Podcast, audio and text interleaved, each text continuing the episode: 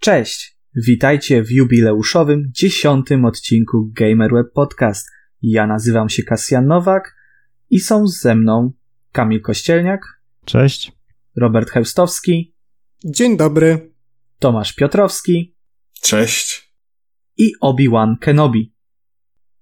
Nasz gość specjalny, ale na razie Obi-Wana nie będziemy męczyć.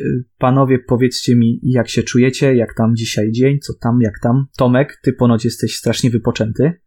Eee, powiem tak. Powiedziałbym, że zły, ale to musiałem tak powiedzieć od każ każdym dniu, tak mniej więcej od trzech miesięcy, więc e, w standardzie, no. Mam nadzieję, że to się niedługo skończy. Najlepiej wojną atomową, żeby był spokój. Ale e, nie, nie, nie, nie jest tak tragicznie, jakby mogło być. O.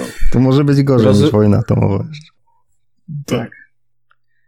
Kosmici mogą przylecieć, czy coś w tym stylu. Inflacja wypierdoli poza skalę.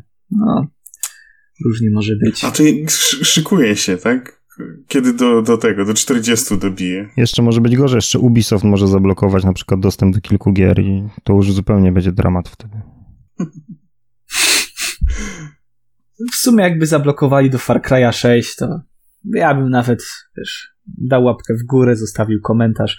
Wy też pamiętajcie o łapce w górze, e, pamiętajcie o komentarzu, pamiętajcie o subskrypcji naszego kanału, pamiętajcie o tych wszystkich innych zboczonych rzeczach, które się robi na Spotify'u i na YouTubie, a także na Google Podcast. Myślę, że zaczniemy Ja nie sobie... wiem, gdzie ty tą łapkę w górę sobie robisz, ale... Albo co tą łapką robisz? Tak. No jak to? No, wiesz, no nawet Popek śpiewał, tak? Ręce w górę, a dobra, jestem królem, nie, dobra. No to w sumie jest kciuk w górę, nie? To, to jak, dlaczego ci się kojarzy to ze zboczonymi rzeczami? Aj, dobra, ja, to nie, myślę, nie będę się tłumaczył podczas dziesiątego No nie, nie, nie, nie musisz się tłumaczyć, my już cię tutaj wszyscy dobrze znamy, wiemy do czego jesteś zdolny i... No, jak wujek na weselu, zostawmy to sobie na odcinek numer 69. Dobra. Dobra, nie. Panowie, nie, to było złe. To trzeba wyciąć. Ale nie. dobra. Słuchajcie, przechodzimy do newsów. Łapkę w górę możecie zawsze zostawić, pamiętajcie. Studio Ego Film pozyskało prawa do ekranizacji kultowego Tytusa, Romka i Atomka. W końcu nie wiem czy. E, komiks autorstwa nieżyjącego już niestety Papcia Chmiela e, doczeka się pełnometrażowej wersji filmowej, e, czyli jest to mm, tytuł z Romek i Atomek. To są słynne przygody dwójki harcerzy, Romka oraz Atomka, a także szympansa Tytusa. Powiedzcie mi panowie, czy kiedyś czytaliście komiksy? Oczywiście. Czytałem właściwie wszystkie, jak byłem dzieckiem, to były bardzo fajne komiksy. Oglądałem też pierwszy film. Jeśli mnie pamięć nie myli, to nawet byłem na nim w kinie. On był taki spoko, ale no niedopracowany trochę. Pamiętam, że pojazd, którym jeździli e, bohaterowie, to była e, e, reklama KFC. Więc myślę, że tym razem może być e, lepiej, bo odpowiadają za niego ludzie, którzy robili też Kajko i Kokosza dla Netflixa. Mhm, a chyba nawet gra była, nie? Taka? Tak, była gra. Ona była taka dosyć, no, taka sobie. No to były te czasy chyba też, y, chłopaki nie płaczą i tak dalej, nie? To, gdzie wydawaliśmy tak, tak, takie tak, tak. przygodówki e, właśnie na podstawie. Właściwie Tytus Romek i Atomek to była platformówka. Mhm. To była taka, no, zwykła platformówka 3D, tylko bardzo drewniana. Tamten e, Tytus się poruszał, e, się poruszał jak czołg. O, tak patrzę sobie na screeny, nie umiem sobie tej gry przypomnieć. Tak, jedynie co kojarzyłem to absolutnie, że o mój Boże. Jedną rzecz. Interfejs podobny do tego z Wilczego Szańca. to jest poważnie. Być może to jest ten sam silnik nawet, bo to też była taka gra, którą sprzedawano w kioskach i tam do czasopism dodawano. Pamiętam, że kiedyś było takie czasopismo... Dobra, nie, już wszystko Play się wyjaśniło. Chyba? Panowie, za Tytusa, Romka i Atomka odpowiadało studio Kalaris, które rok później wydało Wilczego Szańca. Chryste, no właśnie, no to wszystko się zgadza. GamerWeb podcast bawi i uczy. Trzy gry wyprodukowane przez Kalaris. Tajemnicza Wyspa, Tytus, Romek i Atomek i The Best of the Best of Wilczy Szaniec w 2006 polska trylogia i e, bym nigdy w życiu nie przemyślał tego. Ale widzisz, jednak gdzieś główka pracuje, że ja po interfejsie poznałem silnik. No. E, to co? No to, to, to ja nie mam z, nic więcej do dodania. Nie wiem, czy wy panowie, Tom, Tomek, Kamil. Ja jako najmłodszy z towarzystwa nie czytałem komiksów Papcia Chmiela. U, Za młody jestem. To niedobrze akurat, bo ja czytałem nawet też, pamiętam. Fajnie no, było. bo jesteś stary już człowiek z problemami. nadrobić to możesz, bo są bodajże taki zestaw za 100 zł, gdzie jest 25 komiksów. Nie, ja już jestem za stary na komiksy. Wtedy byłem za młody na Tytusa, teraz jestem za stary na komiksy. Ale jesteś akurat na tyle wystarczająco mm, Żywy? e, stary, żywy, żeby z nami tutaj być. I to się liczy bardzo dobrze. E, Kontynuujmy polski wątek. Dobrze, słuchajcie, e, Tate Multimedia, które ostatnio Tate. wyprodukowało Tate? Mhm. I zawsze nie było to Tate? Robert, popraw mnie. Nie wiem, jak to się mówi. No właśnie. Jak miałem 5 lat, to mówiłem e, tatę, ale teraz mówię Tate. Jak miałem 5 lat, to na zespół Take That mówiliśmy takie tak. A na Ace of Base, a co w bace.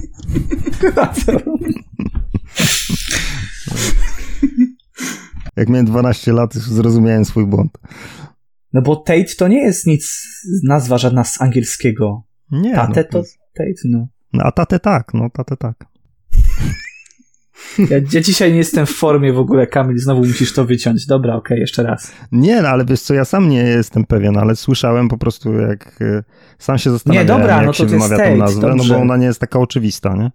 Ale... No właśnie nie to jest. Słyszałem kilka razy, jak była nazwa wymawiana Tate Multimedia, ale być Dobra, może się to- mylę, nie? Nie, nie, trudno, nie, trudno nie, powiedzieć, dobrze. twórcy by musieli tutaj się... mm, To jeszcze raz. No tak jeszcze raz, naprawdę nie spokojnie. powinno się nawet mówić kangurek KO, nie? Tylko KO. No, KO. E, Ale wiesz, no przyjęło się kangurek KO, nie? I teraz... no tak, no ale to jest, to akurat, to akurat mówią każdy. Mówi Nie, ale każdy. to jest, Dobra, to, jest, to jest ciekawe, no nie wszyscy wiedzą po prostu, więc no tutaj po- pokazujemy, że można mówić Tate Multimedia albo Tate Multimedia, jak, jak kto woli. Nie, dobra, to trzeba Albo, wyciąć. albo Nie. Tomb Raider. Nie, Tomb Raider, to akurat wiem. Gears of War, a nie Gears of War, Ale- to spokojnie. No nie, ale wiesz, no dla mnie pełna, pełna dowolność. Dobrze. Więc jeszcze raz. y, Tate Multimedia wyprodukowało ostatnio Kangur Kakao. Y, Recenzowaliśmy, bardzo nam się ta gra podobała, aczkolwiek no nie wszystkim. Jednak te recenzje były dosyć e, średnie i chyba to jest główny przyczynek, że Tate Multimedia kończy z produkcją gier i zajmuje się od teraz wyłącznie działalnością wydawniczą. Co prawda studio mówi, że już gdzieś tam ma, sprawuje jakąś tam opiekę nad młodymi ekipami deweloperskimi, że zasili je tam całkiem pokaźną kwotą, nawet do 2 miliona euro, ale jakichś większych szczegółów e, nie znamy. Pytanie tylko, no, czy jest za czym tęsknić? Myślę, że tak. No, oczywiście, że jest. Jestem ciekawy, ile e, kosztowało wyprodukowanie nowego kangur kakao. Bo skoro oni są w stanie dać e, 2 miliony euro na wyprodukowanie jakiejś gry, to jestem ciekawy, ile ich kangurek kosztował. A sprzedawał się raczej słabo, jeżeli pik graczy na Steamie to tam około 400. Mhm. E, Okej, no Steam może nie być wiodącą plat- e, platformą dla platformówki, ale to o czymś świadczy. Nie upatrywałbym tego może w słabych recenzjach, bo tu już kilka razy mieliśmy takie sytuacje, że recenzje były bardzo słabe, a gra sprzedawała się świetnie. W Polsce ta gra jest owiana taką legendą troszeczkę, yy, ale za granicami naszego kraju no, niewiele osób kojarzy ten tytuł jako, jako kultową platformówkę. Yy, A tutaj jednak sprzedaż powinna być na takim światowym poziomie i być może no, jakby informacja o tym, że ta gra powstaje i, i o tym, że będzie naj, jej premiera nie dotarła do wystarczającej liczby osób. Być może promocja tutaj zawiodła.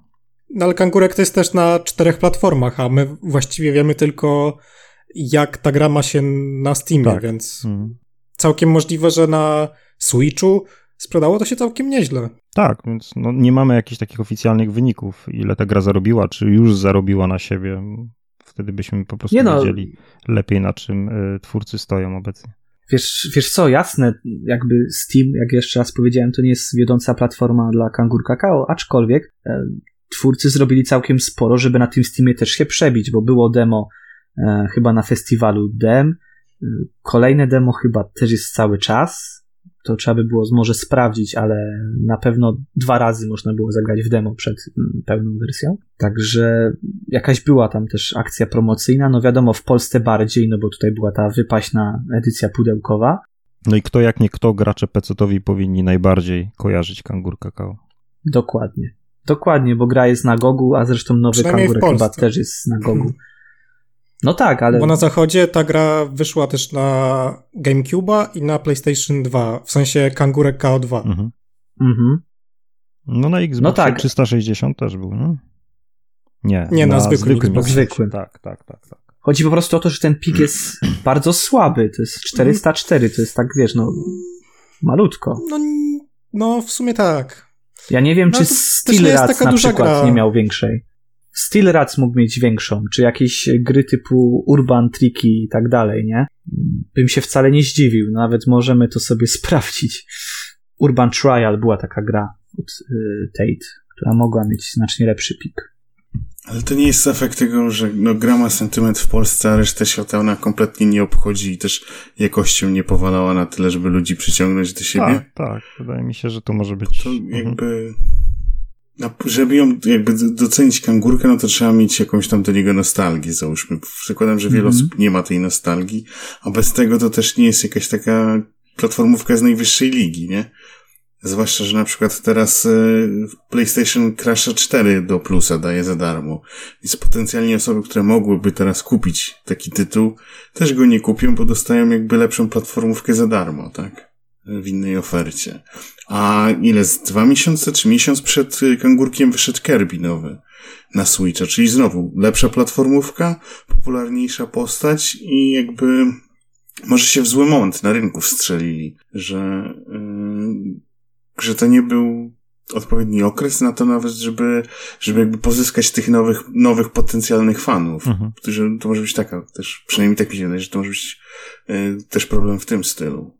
Tak, w Polsce na pewno było im łatwiej, bo Większość graczy tej z nostalgii oczekiwało po prostu kangur kakao i te zmiany, które zostały wprowadzone, ja na przykład, one były dla mnie wystarczające, bo ja chciałem tej klasycznej przygody jakby w odświeżonej wersji, ale dla osób, które właśnie, tak jak Tomek mówisz, zetknęły się pierwszy raz z tą marką, dla których to była nowa gra, no to to mogło być właśnie jednak za mało.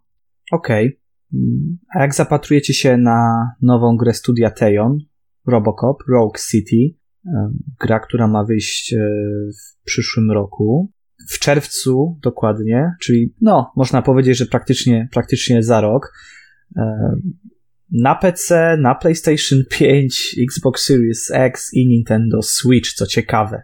Tejona już się nikt nie śmieje po Terminatorze.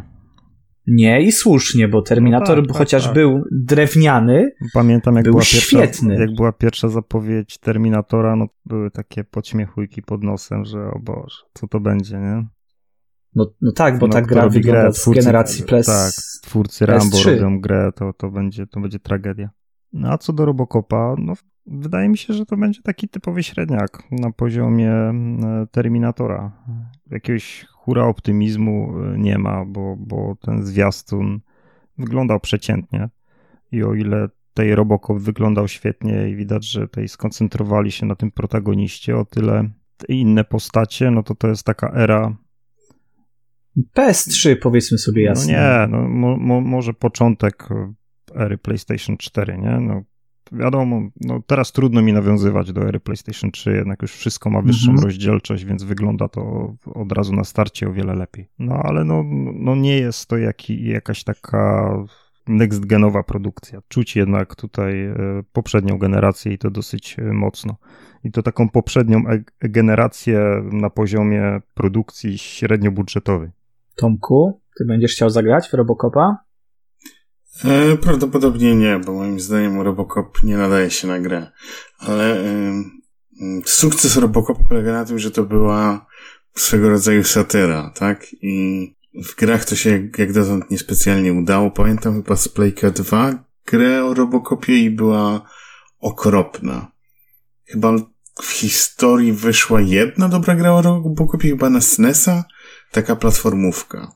I, I tyle, więc jakoś tego, tego nie widzę. To nie jest jakby na tyle ciekawa postać, żeby ją przedstawić w grze FPP, tak? Bo interesującym elementem Robocopa jest ta satyra świata korporacji i tak dalej, przejętego, no co czego na pewno w tej grze nie pokażą. No i drugim interesującym elementem jest ten, tak jak załóżmy ta dychotomia pomiędzy tym resztką człowieczeństwa e, w robocie, tak? I tego też w tej grze nie pokażą. Więc e, może wyjść strzelanka, gdzie się poruszamy kimś, kto jest bardzo powolny i ma system taki, który zabrania mu strzelać do cywilów na przykład, tak? Więc e, ja jakoś tego nie czuję. Może, może gra mnie później przekona, jakby, albo bliżej premiery jakiś ciekawy trailer czy coś takiego, ale sama w sobie koncepcja, na przykład Terminator, wydawał mi się interesujący od razu, jak, jak, jak było zarzucone, dobra, będzie gra na bazie Terminatora, tak jak tego Robocopa nie czuję kompletnie. Chociaż ja bym nie powiedział szczerze, że im się nie uda, bo wydaje mi się, że Terminatora, z Terminatora zdali egzamin na piątkę, też właśnie jeżeli chodzi o przedstawienie świata, no tu wiadomo, można się kłócić, ale myślę, że dałbym Tejonowi kredyt zaufania po Terminatorze. No Mówię na pewno, o... no wiesz, kredyt zaufania mają, bo nie mówimy, że od razu nie skreślamy tego tytułu i nie mówimy, że to będzie jakiś totalny krab. Ja wiem, po prostu nie, nie, zdziwię się, nie zdziwię się po prostu, jeżeli będzie ten sam motyw co z Terminatorem, czyli oceny tam 6, 6,5, a że tak powiem gracze będą piać zachwytu i koniec końców chyba też o to chodzi, żeby gracze dostali to, czego chcą.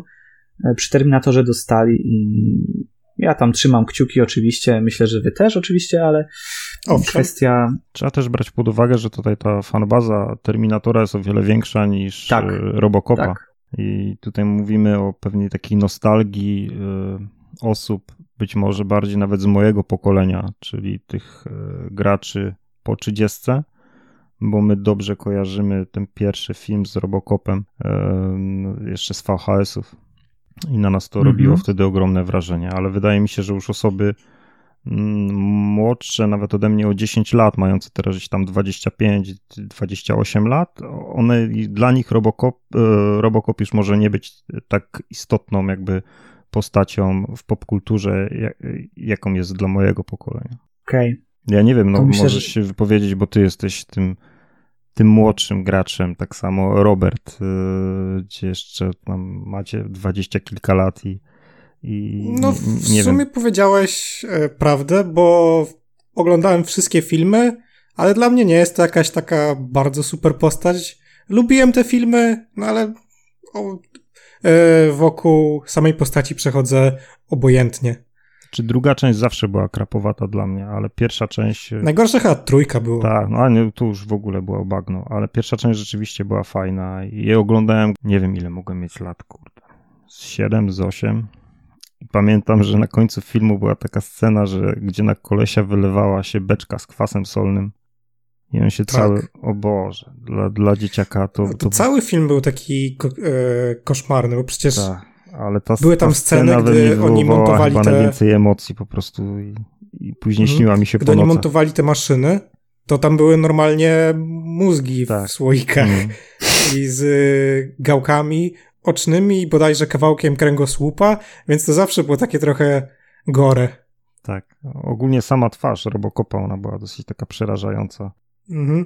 Ale nowsi widzowie też chyba mogą znać tę e, markę, bo w 2015 chyba wyszedł jakiś reboot. On był całkiem spoko.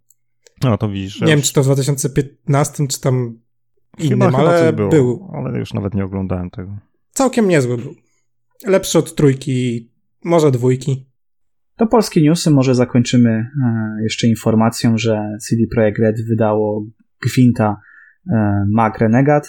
Jest to no, dodatek zawierający kampanię dla jednego gracza jest już dostępna od 7 e, lipca. My nagrywamy 11 lipca. Zapomnieliśmy powiedzieć, tak w razie czego. I gra jest dostępna na PC, na iOSie, na A, Boże, na PC, iOSie i Androidzie.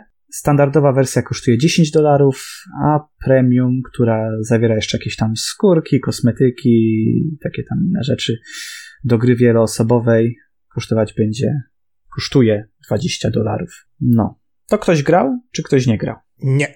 Nie. Z jaką dumą to powiedział.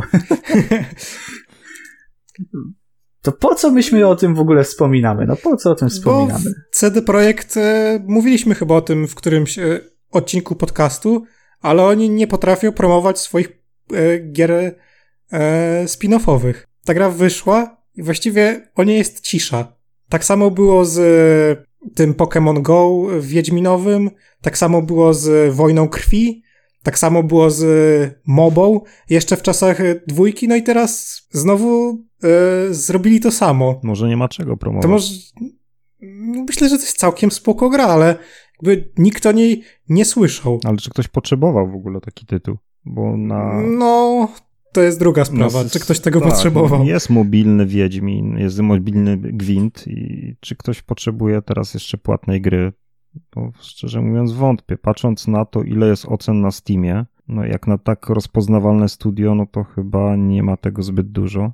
A sam tytuł jest, No bo nikt nie wie, że ta gra istnieje. a sam tytuł jest dosyć tani. On kosztuje w złotówkach niespełna 40 zł, bo coś w okolicach 36 zł, nie? Ciężko mi tutaj wytłumaczyć, czym kierowało się w ogóle polskie studio tworząc ten tytuł, a, a tym bardziej teraz, kiedy go wydali i w sumie nikt o tym nie wie.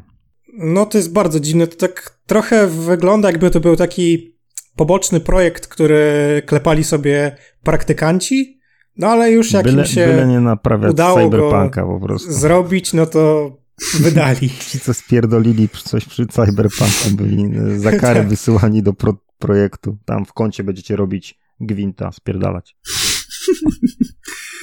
Nie no, to by pod mobbing poszło, wiesz, a ostatnio mobbing jest... ym, Ty myślisz, że już go nie stosują?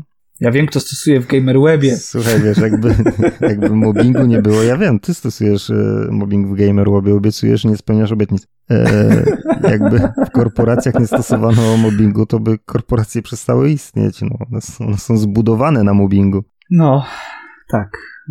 No i co zrobisz? Nic z tym nie zrobisz, panie. Nic. E, Tomek, e, jakieś dwa słowa, czy coś? E, no, e, Gwint mnie nigdy nie obchodził i ten dodatek nie sprawił, że zacznie mnie obchodzić. Okej, dziękujemy. No. Niech sobie będzie. Mam to samo. Mam to samo, więc dobra, nie, ja lubię kończymy sobie tę pyknąć sekcję. w gwinta na komórce. O, Fajnie, no. no. Mam, mam nawet kilka talii uzbieranych, dostaję w pierdol taki, że po prostu, Hmm. bo upieram się, że będę wygrywał grając potworami. A nie możesz być dobry grając z potworami. E, więc no, chociaż mam kilka takich e, talii, który, którymi idzie mi znacznie lepiej, to i tak w końcu mówię, a teraz po prostu wezmę się i będę napierdalał wszystkich potworów. I później jedna, druga, trzecia, czwarta porażka pod rząd.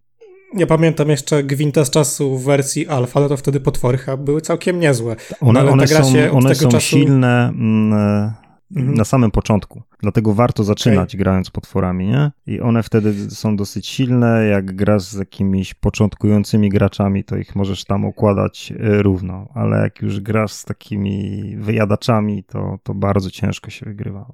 Mhm. Ja zawsze grałem talią Temerii, w, podsta- w Wiedźminie 3 tak samo, no Mhm. i w Gwincie też, ale ja skończyłem swoją zabawę na wersji alfa, a od tamtego Ale czasu gra się właściwie tej, zmieniła. dużej, dużej gry, co była na konsoli. Bo ja pamiętam, Mhm. że jeszcze kiedyś grałem na PlayStation 4 właśnie w wersję Tak. beta. e, Tak, to Mhm. ja skończyłem A na alfie. To jest zupełnie inny gwint niż to, co teraz jest na komórce. Tak, jest całkowicie inny. dobra. To idziemy sobie po kolejnych wydawcach. Może na początku tych troszkę, no, średnich. e, Wielkością, bo akurat e, gry mają całkiem niezłe. E, THQ Nordic zapowiedziało Stunfest World Tour, czyli taki miks. Dojdziemy do konsensusu zaraz. Flatouta, Trackmanii i Riders Republic. Czy oglądaliście zwiastun i czy w ogóle was takie gry kręcą? Tomek. O, dobre pytanie. Nie, kompletnie mnie nie interesuje. Dobra, To następne możesz zadowolenia? powiedzieć tak samo jak przy gwincie. I ta gra nie sprawi, że zacznę Tak. mnie interesować. Tak. A ja, ja. Nawet chciałem powiedzieć, że nawet jakby mi za niej zapłacić, to bym nie chciał w to grać, ale ten... Ale No i nigdy nie mów nigdy. Nigdy nie mów nigdy. ja mogę zacytować jeden y, z komentarzy pod zwiastunem. Looks like shit. I Ale tam jest takie, tam nie jest shit, tylko jest takie shit. Aha, Takie czyli takie przeciągnięte. pozy- pozytywne gówno. Takie Nie gówno, gówno. tylko gówno. Tak jak raperzy, wiesz, sprawdź to Mhm. gówno. To nie, że Tak, gówno, że tak, idziesz mhm. sprawdzać, tylko gówno. Czyli Nagrałem nowy inne, kawałek. Tak? Lepiej pachnie. Tak. No. E, ma lepszą konsystencję. Nie no, spoko. Dla mnie gra ok. Właśnie mm, nie looks like shit, chociaż no, nigdy nie No wiadomo. nie wygląda to dobrze, no nie wygląda to dobrze. No ale Flatout też nie wyglądał dobrze, Jeszcze bawiłem ta, się nie, nie super. za bardzo rozumiem o co chodzi w ogóle e, z tymi postaciami odbijającymi się z jakąś kurwa ze zjebaną fizyką w ogóle tam, że one gdzieś tam latają, obija, obijają się o coś w ogóle. Bo tak samo było we Flataucie. No właśnie, właśnie. Tam był to jest- specjalny tryb, gdzie można było wyskoczyć z okna samochodu i przelatywać przez e, okręgi Mhm. i sobie punkty naliczać. Była też skocznia chyba. Skocznia, karling był. A ja nie wiem, czy Tak, w tym tak, najnowszym coś takiego było, bo chyba grałem w najnowszego Flotauta i tam chyba trochę inaczej to już wyglądało. W total, w total W dwójce coś takiego było. Mm. Tak, w jedynce, dwójce były te minigry na pewno. W jedynce może nie, ale w dwójce na pewno były minigry. No ale Przecież one jest były to genialne. obecnie komuś potrzebne, szczerze mówiąc. Oprócz Kasjanowi. Jakbym chciał, to chyba bym po, zagrał powiedziałbym, że ta gra jest tak samo nam potrzebna jak, jak rosyjskie shootery obecnie. No, na pewno. Nie no, Rosji... znaczy rosyjskie teraz nie, ale ogólnie tak wschodnie shootery jak najbardziej. E, No bo musisz zaliczyć Stalkera chociażby do wschodnich shooterów, także Tak, tak, ale to, to no, jest Ja wiem, wysokobudżetowa ja wiem. gra. Wiesz, ukraińska to zupełnie coś innego, nie? tak.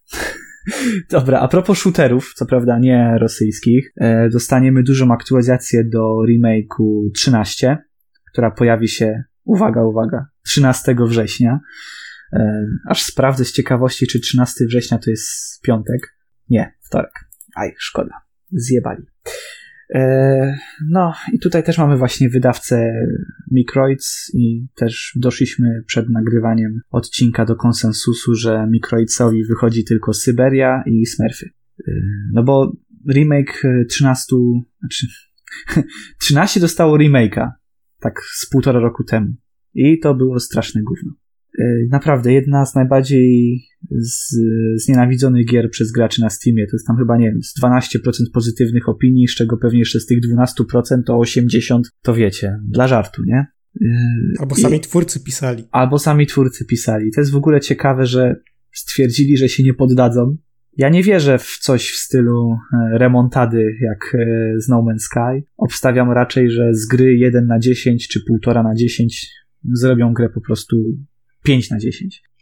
Też tak myślę. Chociaż zobaczymy, tak, no ale wątpię. Niby mają przebrać całą grę, bo czytam, że No to jest bardzo ciekawa sy sy e, sytuacja, że remake otrzymuje swojego własnego remake, mm, reboota, no. no. Tak. Tak. Bo oni mają wszystko. Tam napisali, że od kierunku artystycznego po sztuczną inteligencję. O ile sztuczną inteligencję rozumiem, bo nieraz to się zdarzało w grach, kierunek artystyczny, no fakt faktem, Bo- tam nie trafili. Pierwsza Nie. trzynastka była taka bardzo komiksowa, I nie? świetna. A remake to już taki nie był. Nie, remake to... Myślę, że może tu dodaj, Ale to jakiś... będzie remaster remake'u, czy filtr. remake remastera, czy remake remake'u? To będzie remake remake remake'u. Aha. Dokładnie. No. Ale naprawdę, to jest tak, jakby ktoś, nie wiem... E... Czekaj, ja taki tytuł kiedyś śmieszny... Jakby ktoś miał za dużo pieniędzy po prostu.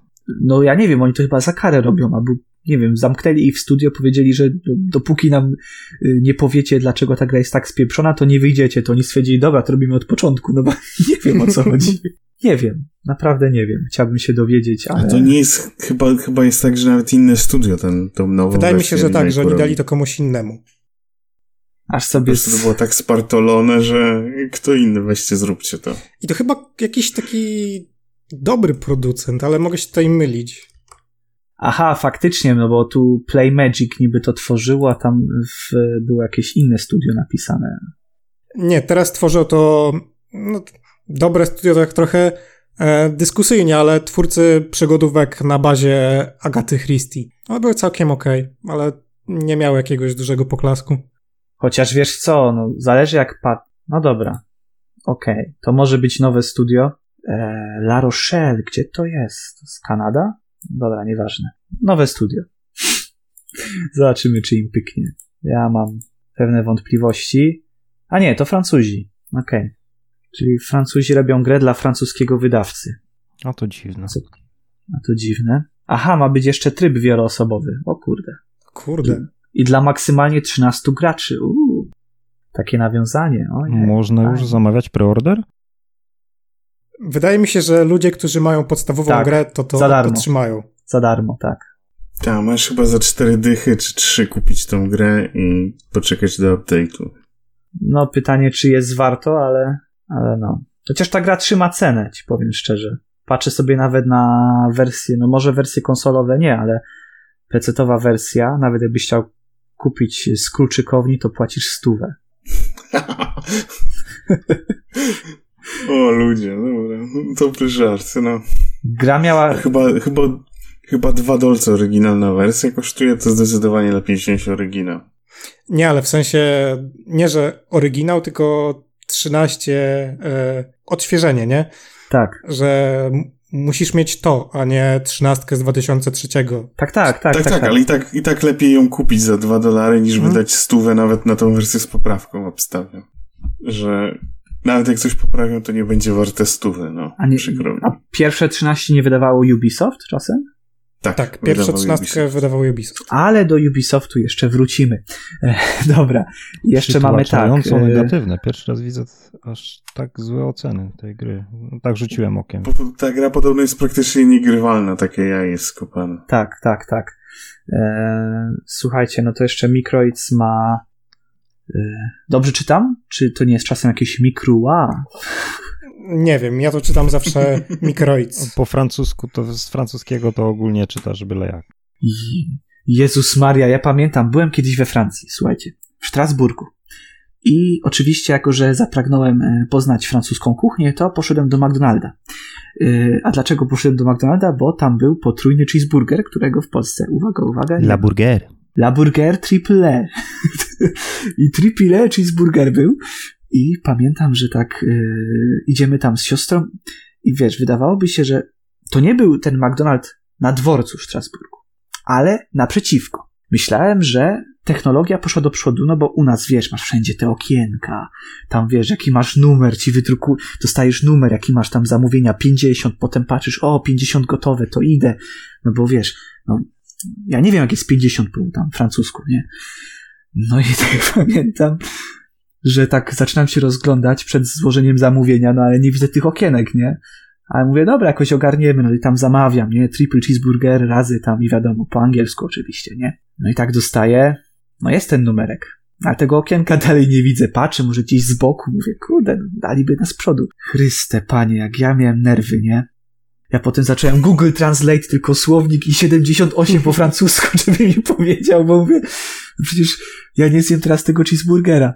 No ale na szczęście jakoś baba tam na mnie spojrzała, no bo naprawdę doszłoby mały, ma mały włos do tragedii po prostu i bym nie zjadł cheeseburgera we Francji, także tyle chciałem powiedzieć, a w ogóle to było fajnie, tylko że siostrzenica potem była za głośna i trzeba było spieprzać. No, także to tyle. A potem wracałem w ogóle z tej Francji, bo normalnie byłem na wakacjach w Niemczech i y, jechałem za autem, jakiś, na jakiś kamyk po prostu mm, auto tak, y, no, najechało w taki sposób, że walnęło mi w szybę i potem musiałem wymieniać i zapłaciłem 400 zł. Także koszt do Strasburga to koszt paliwa, triple cheeseburgera, nerwy przy oczekiwaniu na triple cheeseburgera i 400 zł za szybę. I kamień w szybę. I kamień w szybę 400 zł. Kamień w szybę jest dosyć częsty. Przynajmniej ja tak zauważam. No ostatnio też miałem. Ty, w ogóle co się ostatnio wydarzyło, nie? Ale dobra, to może po nagraniach. E, Asterix i Obelix XXXL. No właśnie, po co ty w ogóle tam, Robert, to dałeś? nie Czy wiem, dzi- bo kurde, Asterix i Obelix miał bardzo fajne gry, Tak, ale od kiedy Microids przejęło tę markę, no to jest coraz gorzej. Jakby powstały odświeżenia pierwszego i drugiego XXL, które były spoko, no ale później powstała samodzielna gra, czyli XXL 3. No i ona była taka se. Jeśli mnie pamięć nie myli, to wystawiłem jej chyba 5 albo 4,5. No i wydaje mi, no i Microids zamiast pójść do korzeni, czyli wy, y, wydać grę w stylu pierwszych dwóch XXL, to teraz przy XXXL, czyli 3XL, właściwie robią kontynuację tego Krystal Menhira, czyli trójki. No nie wiem, czemu? Czy ta gra się tak dobrze sprzedała im? Nie wiem, tak by może chcieli na tej marce jak najwięcej zarobić, no bo jednak marka całkiem spoko, nie? No tak, ale można lepiej. Ostatnia próba, czyli ta bijatyka, ona była całkiem okej, okay, więc myślę jakby rozwinęli nawet tę e, bijatykę, no to by już by było lepiej, a nie zrobili klona XXL3 i... A studio chyba poprawi. W tej bijatyce była bardzo fajna oprawa i fajnie jakby zrobili właśnie tak, taką była super oprawa. E, grę e, z bardziej rozbudowaną rozgrywką właśnie w takiej oprawie, w takiej stylistyce, a ta gra była po prostu cholernie monotonna. A, a tutaj. No, była strasznie monotonna. Tej, tutaj w tym XXXL, no to ta gra wygląda identycznie jak XXL3, czyli ta poprzednia odsłona z tych takich e, jakby z serii. To jest niby samodzielny mhm. tytuł, ale to co właśnie Robert mówił, że, że jeżeli chodzi o oprawę, no to te gry praktycznie są identyczne. Tym bardziej, no i to że... jest problem, bo XXL pierwszy i dwójka to były platformówki. Tak, te gry nie mają nic wspólnego z trójka i ta XXXL, mhm. no to to nie jest platformówka, to jest chodzona bijatyka, tylko że od y, góry i to bardzo słaba. Ja powiem tak, ja grałem na Switchu i prawdopodobnie za długo, jakbym grał na dużej konsoli, to za, dużo, za długo bym w to nie grał, ale taka gierka typowo pod Switcha, żeby gdzieś tam sobie popykać 30 minut, to ten tytuł się sprawdza nieźle. No ale nie jest to jakaś okay. rewelacyjna gra. No, dla mnie no, w sumie takie 6 na 10. Ale tutaj no, nie spodziewam się czegoś lepszego, szczerze mówiąc. Na pewno bardziej bym się cieszył, e, gdyby to była gra właśnie taka jak pierwsza i druga część, czyli bardziej nastawiona na taką rozgrywkę platformową. Mhm. To teraz, żeby uruchomić Tomka. Uwaga, Tomek, uruchamiam cię. E, Chińskie e, dziewczęta. Tak. A czy ten? to w inny sposób się uruchamia, ale dobra. E, remake Lollipop Chainsaw w 2023 roku, chociaż nie pracują przy tym. Nikt, kto, kto ma znaczenie, przy tym nie pracuje, tak. No. Więc no. Pan Suda 51, tak? Tak, tak, bo to jakby mm, ani James Gunn, czyli tak. reżyser tych Strażników z Galaktyki i tego Legionu Samobójców, tak? To po polsku jest? Tak. E, który był scenarzystą Lollipop Chainsaw, też nie, nie dotyka się tej nowej wersji. Jest tytuł wydany po to, żeby był wydany. To jest gra, która 10 lat temu była tak tytułem 6,5 na 10. Więc no teraz pewnie będzie mocno 4 albo 5, tak? Nie bo wiem. w ramach oszczędności soundtrack chcą zmienić, więc po prostu wytną to, co Zmienia w tej grze było ciekawe. Tak. Czemu? Soundtrack był super no w tej grze. Nie, nie chcą płacić za licencję muzyki, tak? Po prostu to, to jest coś robione po, po taniości, żeby to wypluć i zarobić na tym. Słabo. Więc ja temu nie wróżę sukcesów. No. Oryginał Szkoda. mi się bardzo podobał. Przynajmniej mi się bardzo podobał. To było takie nieoczywista gra, gdzie sterowaliśmy jakby cheerleaderką w spódniczce, ale tak naprawdę ta gra mówiła o uprzedmiotowieniu mężczyzny, bo e, facet tej cheerleaderki był dosłownie głową, która ona miała przy, przypiętą do paska e, spódniczki i używała go jako broni. Którą mu wcześniej e, odcięła. Tak, którą mu wcześniej tak, tak, bo to jest e, inwazja zombie, tak, e, w szkole. Więc żeby uratować swojego faceta, odcięła mu głowę.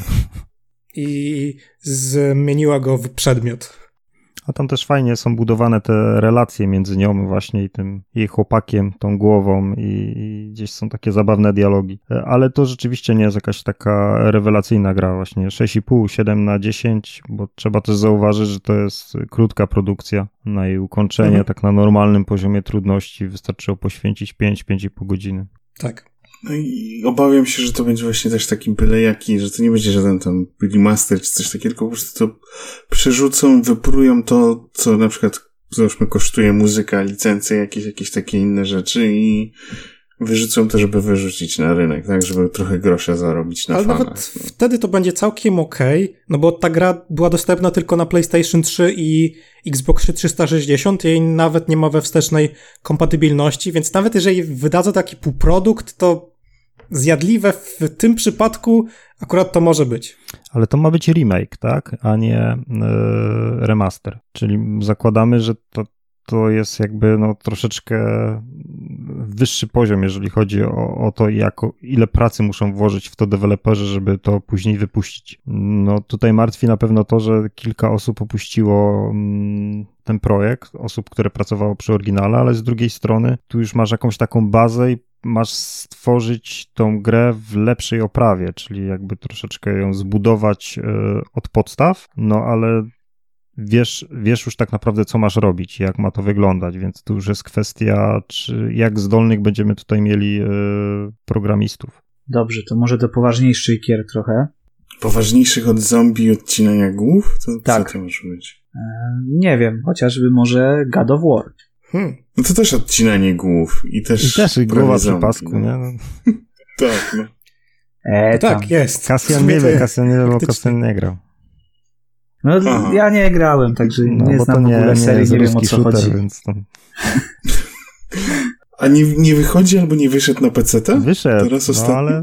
Wyszedł, ale... jeszcze nie, jeszcze nie grałeś? Ja się muszę odkopać jeszcze z zaległości z 2017. A, tak. Z 2006 jakiś ruski shooter może wyszedł ostatnio. No? Dzisiaj będziemy się chwalić, ile ograliśmy gier w tym roku. Już Kasjan tam liczy. Ojej. Będziemy mieli Liczę. podsumowanie półrocza, to już, już licz, hmm. ile ukończyłeś gier w tym półroczu. Nie bój się tam o mnie, aż tak źle nie jest. E, nawet ja miałem takiego Excela ja zaczętego. Zobaczymy, zobaczymy. To miałem Excela zaczętego, ale gdzieś potem pominąłem to. Okej, okay. dobra.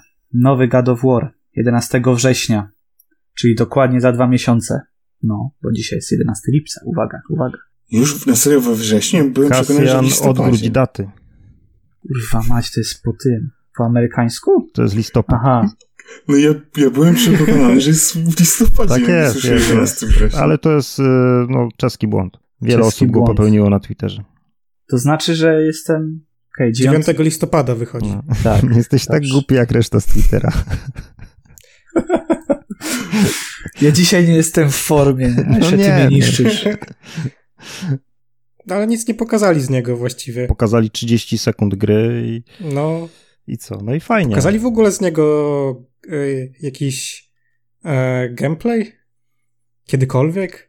Chyba wcześniej coś było. Znaczy ta gra nie będzie okay. się jakoś dużo różnić od y, poprzedniej odsłony. Gameplayowo chyba tak naprawdę chyba się w ogóle nie będzie różnić, tylko tyle, że na PlayStation 5 będzie wyglądało ładniej. Ale na czwórkę też to wychodzi. Tak, tak. Na czwórce też wyglądało fajnie ostatnia odsłona i, i, jak będę miał okazję, to może jeszcze zagram na, na starym PlayStation 4. Ciekawe, czy będzie darmowa aktualizacja, bo tego nie wiem. Tak jak w przypadku Horizona, że można było kupić wersję. Chyba nie, bo Sony, Sony chyba mówiło, że Horizon to jest ostatnia mhm. gra z, tą, z darmowym e, up, upgrade'em. No to. Że, że, chyba dlatego Gran Turismo już miał płatne. Mhm. Mam nadzieję, że ten szybko spadnie z ceny. Jestem ciekawy, za ile będzie wersja na konsolę PlayStation 4 dostępna. Klasycznie pewnie, ale na PS5 będzie za 300 coś. Aha, coś pozytywnego dla posiadaczy starszej generacji jeszcze. Okej, okay, to ja się może teraz odkuję. O, uwaga, uwaga, odkucie się.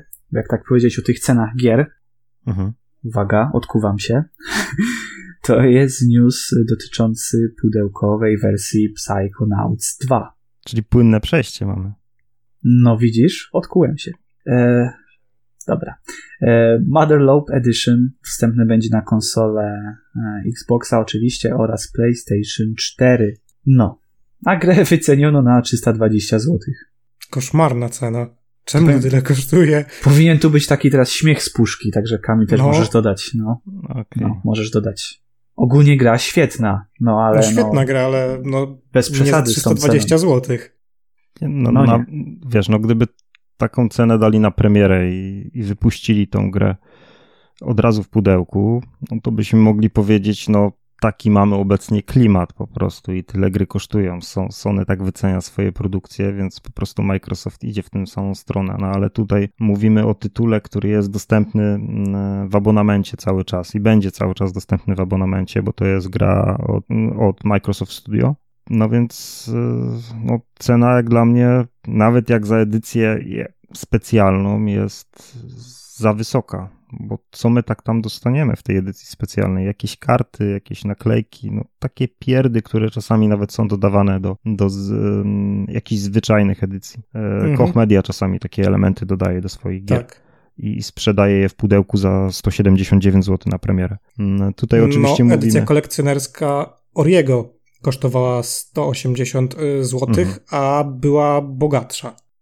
Więc tutaj wytłumaczeniem może być sam fakt, że za te wydanie pudełkowe tak naprawdę nie odpowiada Microsoft. Mhm. Tylko jakaś firma wykupiła prawa do wydania pudełkowego psychonauców i on, oni mm. odpowiadają za różne wydania specjalne. Często wydają też soundtracki na winylach do gier. Mhm. E, I, I, wydaje mi się, że, że oni po prostu sobie narzucili te, taką tak wysoką cenę, że, że to może być bardzo limitowana wersja tej gry. Nakład pewnie nie będzie zbyt duży. To jest bardziej nastawione na kolekcjonerów i dlatego. No właśnie pytanie, tak czy to będzie cena. taka limitka jak z tych wszystkich zagranicznych e, e, sklepów, gdzie się kupuje tam, nie pamiętam jak one się nazywały. Czy to będzie gra, która będzie ogólnie dostępna w sklepach? Bo nie wiem, czy w Polsce nie będzie za to e, Koch Media mhm. odpowiedzialne.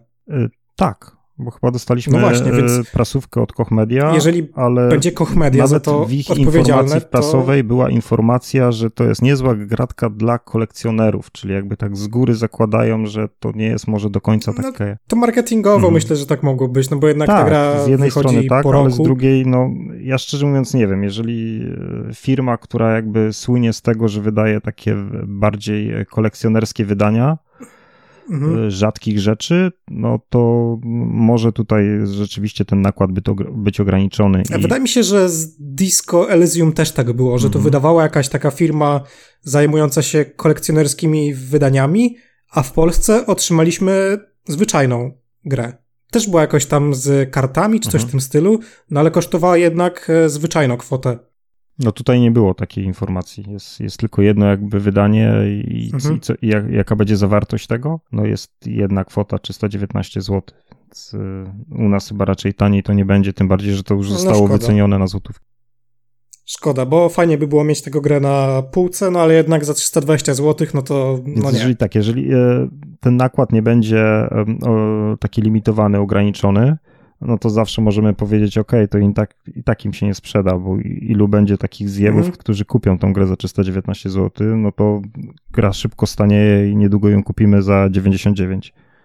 No ale jeżeli nakład będzie ograniczony, no to, no to raczej, jeżeli nie kupimy jej w tej cenie premierowej, to, no to możemy już jej nie kupić wcale.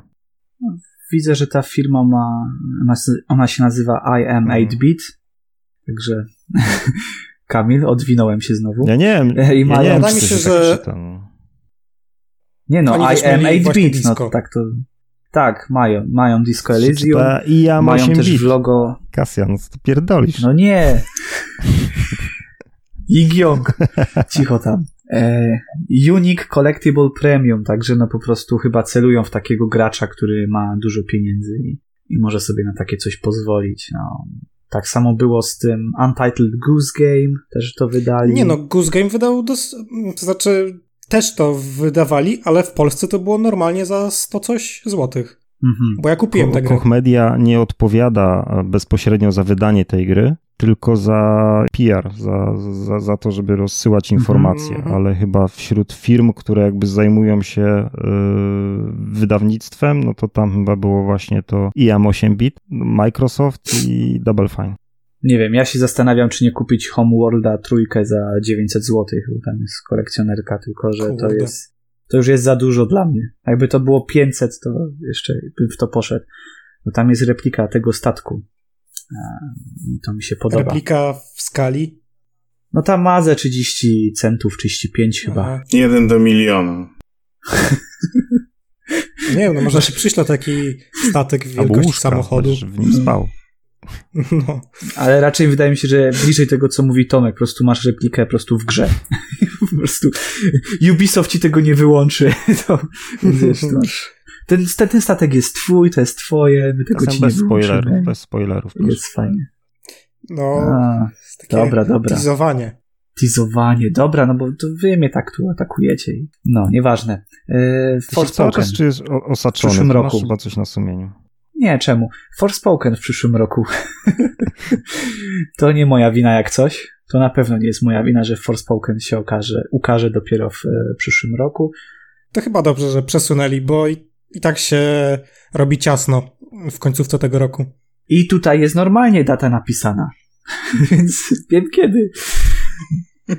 I kiedy? 24 stycznia. No to mam January 24 i wiesz, jakby ogarnia mnie. No. Chyba, że znowu przesuną, tak? no to wtedy mogę mieć problem, jak tego nie napiszą poprawnie.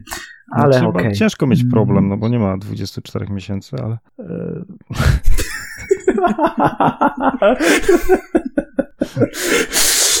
Chciałbym tutaj też jeszcze nadmienić, że y, zegarek mam normalny, w sensie wiecie. znasz się na wskazówkach.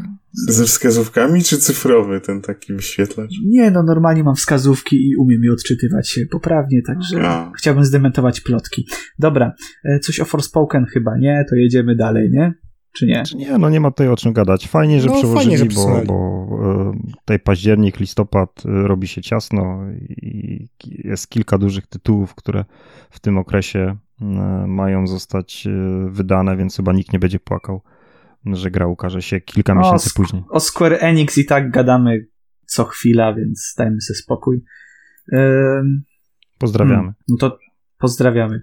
Ym, Kazuki Takahashi zmarł. Twórca Yu-Gi-Oh! Robert, to powspominaj trochę. No, Yu-Gi-Oh! jest bardzo dobrą e, marką. To jest jedno z moich ulubionych anime. Karciankę też lubię, chociaż bardziej s, e, starszą wersję, bo te nowe no, są takie średnie, mają za dużo mechanik. No ale myślę, że to jest marka bardzo kultowa, na której gaming też e, zyskał dużo. Właściwie Konami dzisiaj żyje tylko dzięki Yu-Gi-Oh! No, szkoda. Szkoda straszna. A wszystkim, którzy nie oglądali anime, polecam zobaczyć, zacząć od tak zwanego sezonu zero, potem przejść do pierwszej serii i wtedy zakończyć, bo kolejne serie już nie są tak e, dobre jak pierwsze. A zbierałeś karty?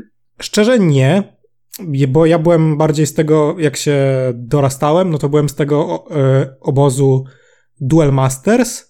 Dopiero po latach sobie kupiłem takie edycje kolekcjonerskie kart, gdzie są talie wszystkich e, bohaterów. To się nazywa Legendary Duelist, to jest w takim złotym pudełku. Bardzo fajne, polecam. Myślę, że jak ktoś to znajdzie gdzieś tam na Allegro czy na eBayu, no to zakup obowiązkowy, bo to jest bardzo ładne na półce. Tomku, jakieś wspomnienia z Yu-Gi-Oh? E, Kiedyś, kiedyś się trochę grało. e, Pamiętam chyba na. Nie wiem, czy to był Game Boy Advance, czy Game Boy Color, w jakąś taką wersję. Pamiętam, że sporo, sporo, e, sporo grałem. No i ogólnie, no, anime też było tak e, dosyć kultowe, plus, e, jak to zaraz, jak to było? E, Niebieski smok, tak? Kulto, kultowa, tak. kultowa karta, więc tak. no. Blue Eyes e, To- White Dragon. Tak, tak, że. A Yugi miał jest- Dark Magiciana. Tak. Tak, tak. Jeszcze było coś na Exodus? Coś takiego było, nie? Exodia. Exodia. No, To była dokładnie. karta, która kończyła całą grę. Tylko ona się e, składała z pięciu kart. Aha, tak, tak, tak, tak, tak, tak. Trzeba było ją wyciągnąć najpierw z talii i jak się Hmm. zebrało wszystkie pięć części, to się kończyła gra. Tak, tak. No i teraz chyba, wydaje mi się, jeżeli się nie mylę, chyba na Steamie i nawet na konsolach jest jakaś taka wersja free to play Mhm. Yu-Gi-Oh! do Tak jest, pogrania, jest. więc, y, więc no ludzie mają okazję nawet sprawdzić, czy im, czy im się spodoba i wtedy mogą, mogą dalej sięgać, bo, bo ogólnie nawet te, te, te tytuły takie do, do, do grania, które właśnie nawet Konami wydaje, tak, to one były całkiem niezłe. y, Z tego co pamiętam, te, te, te nowsze gry. Więc wydaje mi się, że no trochę smutna okazja, ale zawsze jest tak jakby e, szansa, żeby większe grono osób e, sięgnęło po te tytuły. Dobrze, to możemy przejść dalej. Plotki, które możemy przeczytać na, na Kotaku, mówią o tym, że odłożono w czasie e, remastery Red Dead Redemption i GTA 4 po klęsce remastera trylogii GTA i że No, Kto Rockstar by się spodziewał? i że Rockstar Games obecnie koncentruje się na GTA 6, o którym oczywiście wiemy tyle co no nic. Poza tym, że no Odłożono powstaje. czy anulowano? Odłożono, Odłożono. w czasie, ale to jest na termin nieokreślony. w bardzo dalekiej przyszłości. Myślę, że wrócą do tego tematu, zwłaszcza chyba do Red Dead Redemption, ale no. No Red Dead by się Czyli przydało. Już wiemy, kto za te remastery miał odpowiadać. Znaczy, no w sumie, jeżeli ci sami, co robili port e, trylogii GTA. Niekoniecznie ci sami, po prostu może im się finansowo to nie spina, już nie chcą kombinować z. Ale wiesz, no, mm, no przecież mają jakby powód, dlaczego im się to nie spina. To, to nie jest. No tak, mają powód, to jest. No, to, to nie no jest tylko i wyłącznie wiesz, gdyby dali dobrą grę, gier, no. gdyby powiedzieli, kurwa, zrobiliśmy zajebiste remastery, a, a wy nie chcecie w to grać, nie będziemy robić kolejnych gier, nie opłaca nam się to, no to ja bym to w zupełności zrozumiał. Ale tu no, ale to problem jest, jest taki, no, że. Oni tak nie myślą. Prostu. Tak, no przecież nie było, że właśnie w, tam w wypowiedziach chyba Zelnika, czy tam kogoś z tej tu jednego z tych szefów, że to było akceptowalne przecież remaster, że to czego no. się ludzie czepiali, nie? Więc oni mają chyba trochę inne wyobrażenie tego, jak, jak ta sytuacja wyglądała niż, tak, niż reszta ale to świata. Nie? zaskakujące, że mówią to ludzie ze studia, z firmy, która tworzy tak świetne gry, no jak chociażby GTA 5, które no już może teraz nie robi takiego wrażenia, ale no było w 2013 roku, no to to była produkcja, która e, no zapierała dech w piersiach później Red Dead Redemption 2, hmm. które nadal wygląda fantastycznie i jest grą niesamowicie dopracowaną, a z drugiej strony akceptują poziom wykonania remastera y, trzech części y, GTA, który był tragiczny. Ja się, ja się zastanawiam, czy ci sami ludzie, którzy robią te dobre gry, nie, mają dużo do powiedzenia przy de tych decyzjach no, prawdopodobnie tych, tych nie. tragicznych. Raczej nie. Czy na przykład o, o, czy oni wewnętrznie na przykład mhm. nie są wkurzeni, ale nie mogą nic zrobić, nie no, bo korpo... No, no tak podejrzewam, że swoje raczej... prawa, no. Yy, Mają jakąś elitę swoje, i jeszcze swoje. kilku tam patałachów, takie mniejsze oddziały, które po prostu im... Yy... Tak, bo mm, te remastery GTA tworzyło studio e, Groove Street Games, które kiedyś robiło porty na mhm. mobilki. Oni już chyba jakiegoś sita wydali wcześniej. Też mieli Wydali GTA San Andreas na Xbox 360. I to też było takie se. Tak, to był chyba ten port właśnie z tego, z telefonu. Tak, tak, tak. Na, na 360, no, że to była jakość. No i może powiążmy to z Scarface'em 2. Nie wiem, czy graliście w Scarface'a, czy oglądaliście chociaż film. Um, no ale to był taki właśnie, no, za dużo bym powiedział, że rywal GTA, ale na przestrzeni mm, gdzieś tak właśnie po premierze trójki czy Vice City zaczęły powstawać jak grzyby po deszczu praktycznie, takie właśnie gry mafijno-gangsterskie bym powiedział i Gąsowski kiedyś śpiewał, gdzie się podziały tamte prywatki. Ja mam takie pytanie, gdzie się podziały te gangsterskie i mafijne gry. Nie wiem, czy oglądaliście Scarface'a dwójkę, jak ta gra miała wyglądać. Mm, kilka materiałów oglądałem. Czy, czy, to jest po prostu gra, która nikogo, tylko mnie, ale... Nie no, to była całkiem spoko gra kiedyś. Scarface Pamiętam, jak że był jeszcze Ojciec Chrzestny i mi się te gry trochę myliły. Mhm, bo tak, tak, tak. Ojciec Chrzestny też był spoko i jej próbowało zrobić EA, swoje, tak, tak, tak. swoje GTA. Nie pykło, tak w sensie, że ta dwójka miała taką sobą grafikę, tam też nie wszystko tak działało jak należy. Ale cholera, te niektóre gry, chociaż były na 6, 7 na 10, jak właśnie Scarface, mogły się podobać i szkoda, że nie mamy więcej takich gier w tym stylu gangstersko-mafijnym, co nie? True no, Crime jeszcze, jeszcze było. Science Row, tylko z żyjących. No tak, tylko że oni, oni poszli w co innego, nie? Jakby w taki no, ale teraz pastisz. E, wrócą bardziej do korzeni. No tak, ale potem to był taki bardziej, nie wiem, pastisz. No tak, no później to były kosmici, było piekło. No, a ja mówię, wiesz, o czymś faktycznie, że I'm fucking Tony Montana i wiesz, mm -hmm. i, mhm.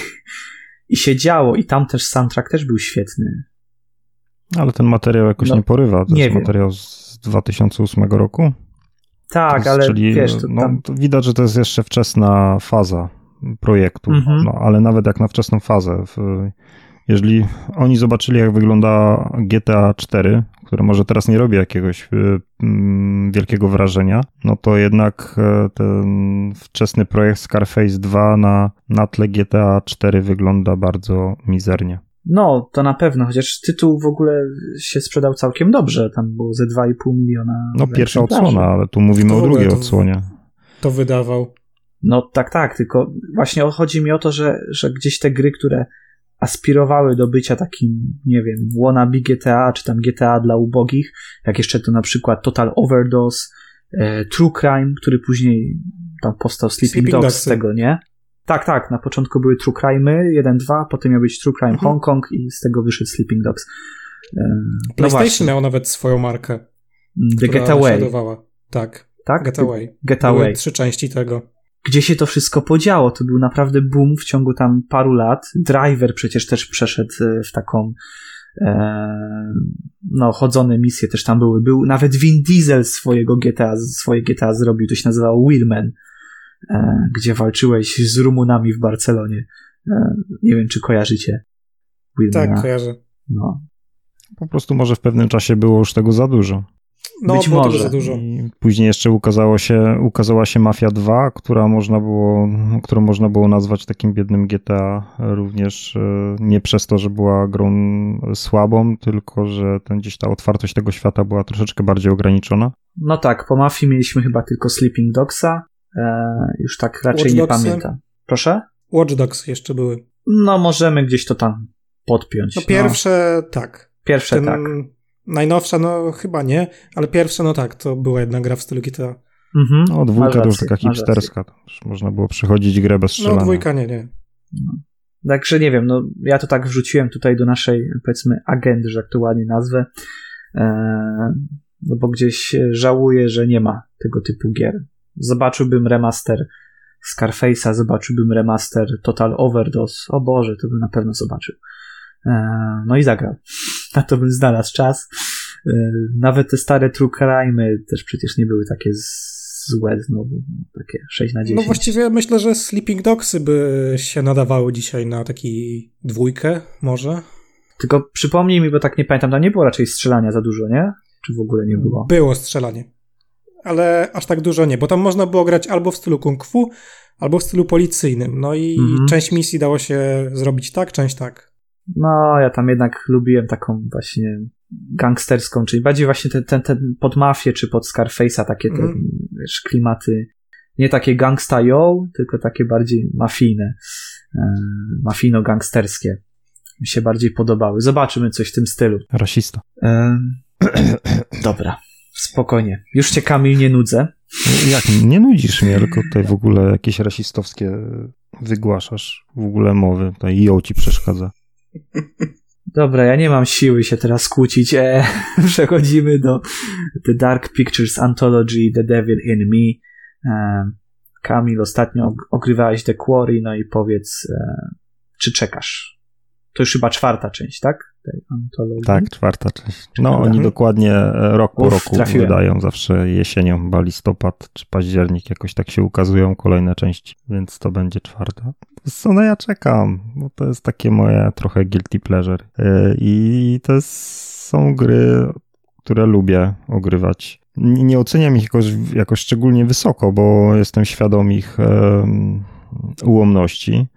I tutaj nie spodziewam się żadnej, absolutnie żadnej rewolucji. To będzie dokładnie to samo, co mieliśmy w pierwszej, w drugiej i w trzeciej części e, gameplayowo, ale no, jestem ciekawy, czy E, stać ich na stworzenie ciekawej historii, bo najsłabsza do tej pory to była część pierwsza.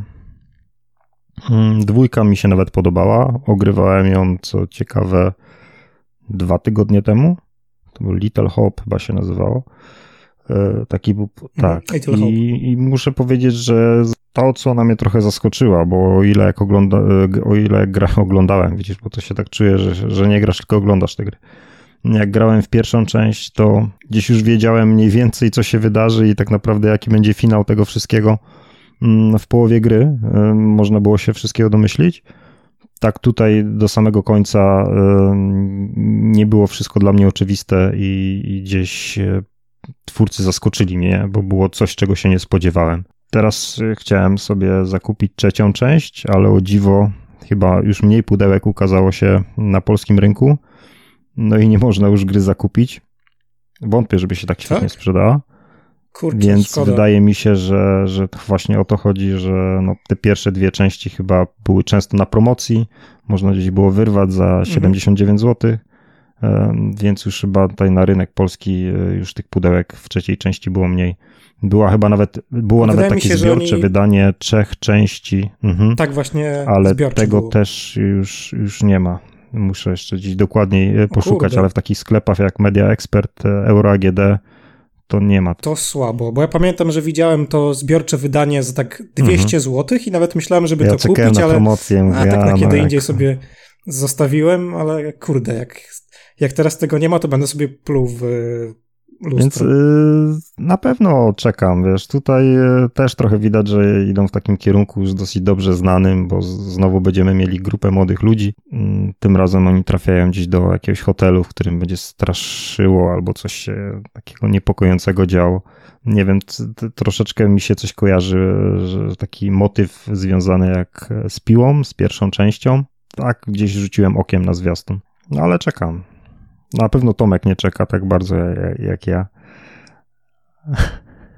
Bo, bo jakieś gry. Jak, jak będzie w Game Passie, to sprawdzisz. No. Będzie w Game tak, Passie. Pierwsza część tak, była w Game Passie. Tak. Ja właśnie ogrywałem pierwszą część z Game Passa. Chyba nawet teraz w PS Plusie tak, jest pierwsza tak, część w tym miesiącu, tak mi się wydaje. Pierwsza część e, robiła wrażenie graficznie, podobała mi się ogólnie. Sam motyw tego przejścia na, na, na jakiś statek widmo też było fajne, ale no, bo gra była mm. dosyć no, mało straszna. I dwójka też nie jest aż jakoś, jakoś szczególnie mnie nie straszyła, ale był fajny klimat i była o wiele lepsza fabuła. Więc można, można po prostu to zagrać dla, dla samej historii. No to co? Grillowanko? Przechodzimy do Ubisoftu, czy nie? No to co? Co nam pozostało? Trzeba, trzeba sobie ten, pogorszyć humor, tak? Dobra. Bo generalnie. Ale możesz zacząć ja, od czy ja, ja w sumie rzeczy. nie pogorszę sobie humoru, bo ja jakoś jestem. Cieszą mnie upadki innych. Wiesz, jak, spad, jak ktoś spada na, na dno, to ja lubię, lubię patrzeć, a za, mu się źle powodzi. No, a to jest taki no ja właśnie ostatnio jak no. spadałem, to widziałem, że mi machałeś. Tak, tak, no. tak. Ja byś się rozjęła ten głupi ryj. No i tak w przypadku Ubisoftu, no nie życzę tej firmie źle, ale to już mówiłem kilka razy, że no nie dzieje się chyba dobrze w tej firmie i, i pomimo tego, że w lipcu byliśmy świadkiem kilku zapowiedzi i, i tego, że usłyszeliśmy, że jakieś produkcje nadal są produkowane, mimo, a już myśleliśmy, że już są zapomniane, no to, to jakoś e, chyba nie ma żadnej takiej pozytywnej tak naprawdę informacji od Ubisoftu, jeżeli chodzi o, o to, co się ostatnio wydarzyło. No, Ale zacznijmy od początku, no właśnie, może Kasjan. A czy czekaj, no to... Co, co byś uznał za tak, pozytywną tak, dobra, informację? Beyond? No nie, no przecież wciąż powstaje, no, no co? No, no tak, to jest, to jest taka powstaje. jedyna informacja, no to... bo w sumie nie powiedzieli, nie, nie, widzieliśmy tej gry, więc jedyną informacją, jaką, jak, jaką mamy, to jest to, że Beyond e, Good and Evil e, powstaje, czyli, czyli gra nadal jest wydawana, ma jest w, w trakcie wewnętrznych testów, tak? Albo w trakcie, albo w tym miesiącu mają się tak. odbyć wewnętrzne testy. Mm, być może mm, w drugiej połowie roku y, gra będzie już testowana zewnętrznie. Y, Ubisoft we wrześniu ma mieć chyba jakąś prezentację, więc y, tak, tak więc optymiści, są tacy optymiści, którzy twierdzą, że może coś z, pokażą z tej gry. Ja szczerze. Logo. Tak, logo. Ja, no, ja szczerze wątpię, chociaż krótki. oni bardzo ładny zwiastun pokazali już w 2016 roku filmowe, więc no oni, tak, oni no, mogą świetne filmowe zwiastuny pokazywać, ale i szczerze mówiąc mam je wszystkie w dupie, bo to jednak pokazuje, że od filmowego zwiastuna do, do prezentacji gry albo do jej premiery to, to dziel, dziel, dzielą nas lata świetlne. No nie liczę szczerze mówiąc na gameplay, chociaż może może nas zaskoczą. Myślę, że raczej ten, tę konferencję poświęcono asasyny. Mhm. Czyli ziew. No chyba, że pokazali Chyba, że pokazaliby coś w stylu zwiastuna chyba Skate 4. Nie wiem, czy ktoś z was oglądał. Tak, widziałem. No, bardzo fajny. No właśnie, coś, coś, coś takiego by było dobre też, ale ja ale szczerze myślę, wątpię. Że to nie przeszło przy tej grze. No, wiesz co, nie wiem, ale boję się, że w lipcu, jak będą te wewnętrzne testy, to stwierdzą, że no, mm, nie, nie nadaje się, nie Kasuje. pokażą nic. Nie, Może no, cię zaproszą, Kasjan. Nie nadaje się, bo jeszcze ktoś żyje, kto pamięta jedynkę, nie? Oni czekają, aż wszyscy wymrą. Ja myślę, że Kasjana mogą zaprosić na te wewnętrzne testy, skoro jadł e, hamburgera w McDonaldzie w Strasburgu. To To w sumie jakbyś był już w połowie Francuzem. Język już zna. No. Wy, Tak, no już wiesz, jak jest 78 po No. francusku, tak? wystawisz im taką ocenę z testów, no i tyle. No, jakby jakąś tam bagietką poczęstowali, coś takiego bardziej francuskiego niż e, triple. A to pewnie, no, oni, oni, bo oni będą ci częstowali na podstawie tego, czym cię poczęstują, masz wystawić cenę gry. No Tak się recenzuje teraz. i tak. Żabie łódka. To było dobre, no. Eee. Nie, ślimaki też nie odpadają od razu. Ale mówię. próbowałeś? Dobra, to testa. Nie. No, no to jesteś...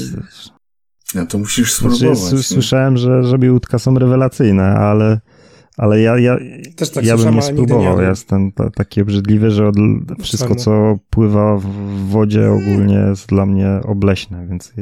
ja- się boję żab Ja- w ogóle. Znaczy, ja, nie. ja nie tyle boję się, Kurde, ja się ich żaby. brzydzę. I wszystko mnie brzydzi. Brzydzą mnie małże, nawet ryby mnie brzydzą. Dlatego je, Nie no, karpik ja jest zjem dobry. rybę. Ale jak jest filetem już. Jakby ktoś mi postawił, wiesz, jak y, masz w restauracjach, że masz z całości rybę na przykład, nie? To ja na to nie mogę patrzeć. To jest obrzydliwe. Łeb, ogon, Mhm. zmienia miejsce, stary. Nie siedzę z tobą przy stoliku. A to z krewetkami jest No, najgorsze, no, te no, oczki, to- oczka takie czarne na ciebie patrzą. To rzeczywiście. Ja ostatnio, ja ostatnio jadłem te takie, czekaj, jak to się nazywa, surimi. Mhm. Paluszki surimi. Mhm. To w ogóle smaku nie ma. To smaku nie ma w Nie ogóle. no ma lekki taki słodkawy No. smak. Co ty? A, a, Wiesz bo- co, to było e, cholernie Nie. tanie, e, pamiętam w netto w takim markecie, jak byłem na studiach, to tam chyba się kupowało paczkę surimi za 2 złote. Kurwa, nie wiem co to było, czy to było surimi z Wisły, e, albo tutaj kaliskie z, z Prosny. Ale wiesz, było, było tanie, nie? Więc, więc to jadłem. Tańsze To niż było tańsze parówki. niż parówki. Miej nadzieję, miej nadzieję, że to nie było z, z tej, z kochówki w Bielszowicach. Ale ziomek to, kiedyś to kupił takie parówki, że jak je włożył do wody i zagotował, to zostały same foliki. One się w wodzie się rozpuściły. Zupę miał. A pamiętacie jeszcze kiedyś, kiedyś takim hitem była panga, co nie? Panga też była Tak, tania. pangowa była był idealną taki- rybą dla ludzi nie lubiących ryb. Ona była taka tak, bez bo nie smaku smakowała nie? rybą, nie pachniała rybą, taki delika, No. delikatna wszyscy. Tak. To jest ten, ulubiona Tak? ryba mojej rodziny. Ojej. Znaczy, wiesz co, pewnie Tak. gdyby ludzie się nie dowiedzieli, jak smakuje, y, jak te ryby są hodowane, no to wciąż by się zajadali pangą, nie? Ale to okazało się, że jednak Mm. mm, to dosyć obrzydliwa historia. A, no to pięknie. To będę musiał powiedzieć rodzinie, żeby poczytali. Żeby jadła jakieś e, zwykłe filety. To ja mam Ja jeszcze pytanie, lubię. Tomku, czy ty... Ja mam pytanie, Tomku, czy ty powiedziałeś rodzinie, co Ubisoft odjebał? Tak, tak, już ten, No. negatywne recenzje na Steamie wystawili. Całą rodziną. Sceną. Nawet, nawet te wszystkie Chinki już też piszą, o ciąg, ciąg, ciąg, ciąg. A dobra, nieważne. Ja pierdolę.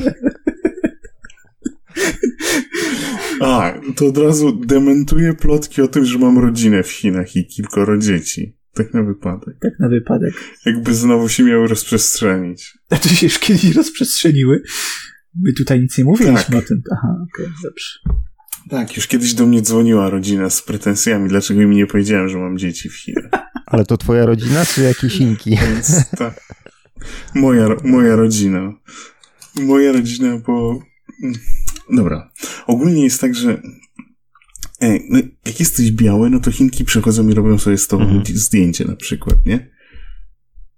Potem to zdjęcie wrzucają do internetu i mówią, to ja z moim mężem na przykład. Potem ta Chinka wrzuca zdjęcie siebie ze swoim dzieckiem i to, to krąży w internecie i ktoś zobaczył to i doniósł moim rodzicom, że widział um, moje zdjęcie z moją rodziną. I no, i tak siedzisz sobie w Chinach i dostajesz telefon od rodziców, dlaczego, dlaczego nam nie powiedziałeś, że, że masz dzieci i rodzinę, nie? Więc Ale zdarzają się takie śledzić. Tak, tak. Sprawdźmy, No bo wiesz, co tam no, u Tomka. pra- Przejrzyjmy ten cały chiński internet. Nie no, prawdziwy Polak przecież, wiesz, No ja zazdrości, wiem, nie? no, to, zazwyczaj wiesz, takie, że historie powstają z zazdrości, nie? żeby dojebać po prostu. No. Cała, cała, cała No, rodzina się złożyła na to, żeby to mógł, mógł być w Chinach. No i teraz sprawdźmy, co odpierdala ten bogacz, nie? No. Dobra, ale z tym e, cinkciang, e, czy to wiesz, wytnijcie, tak? Jakby wiadomo, yy, wobec przesady. A Robert ale o co mi chodzi? spokojnie. Chodzi mi o to. Tak, tak.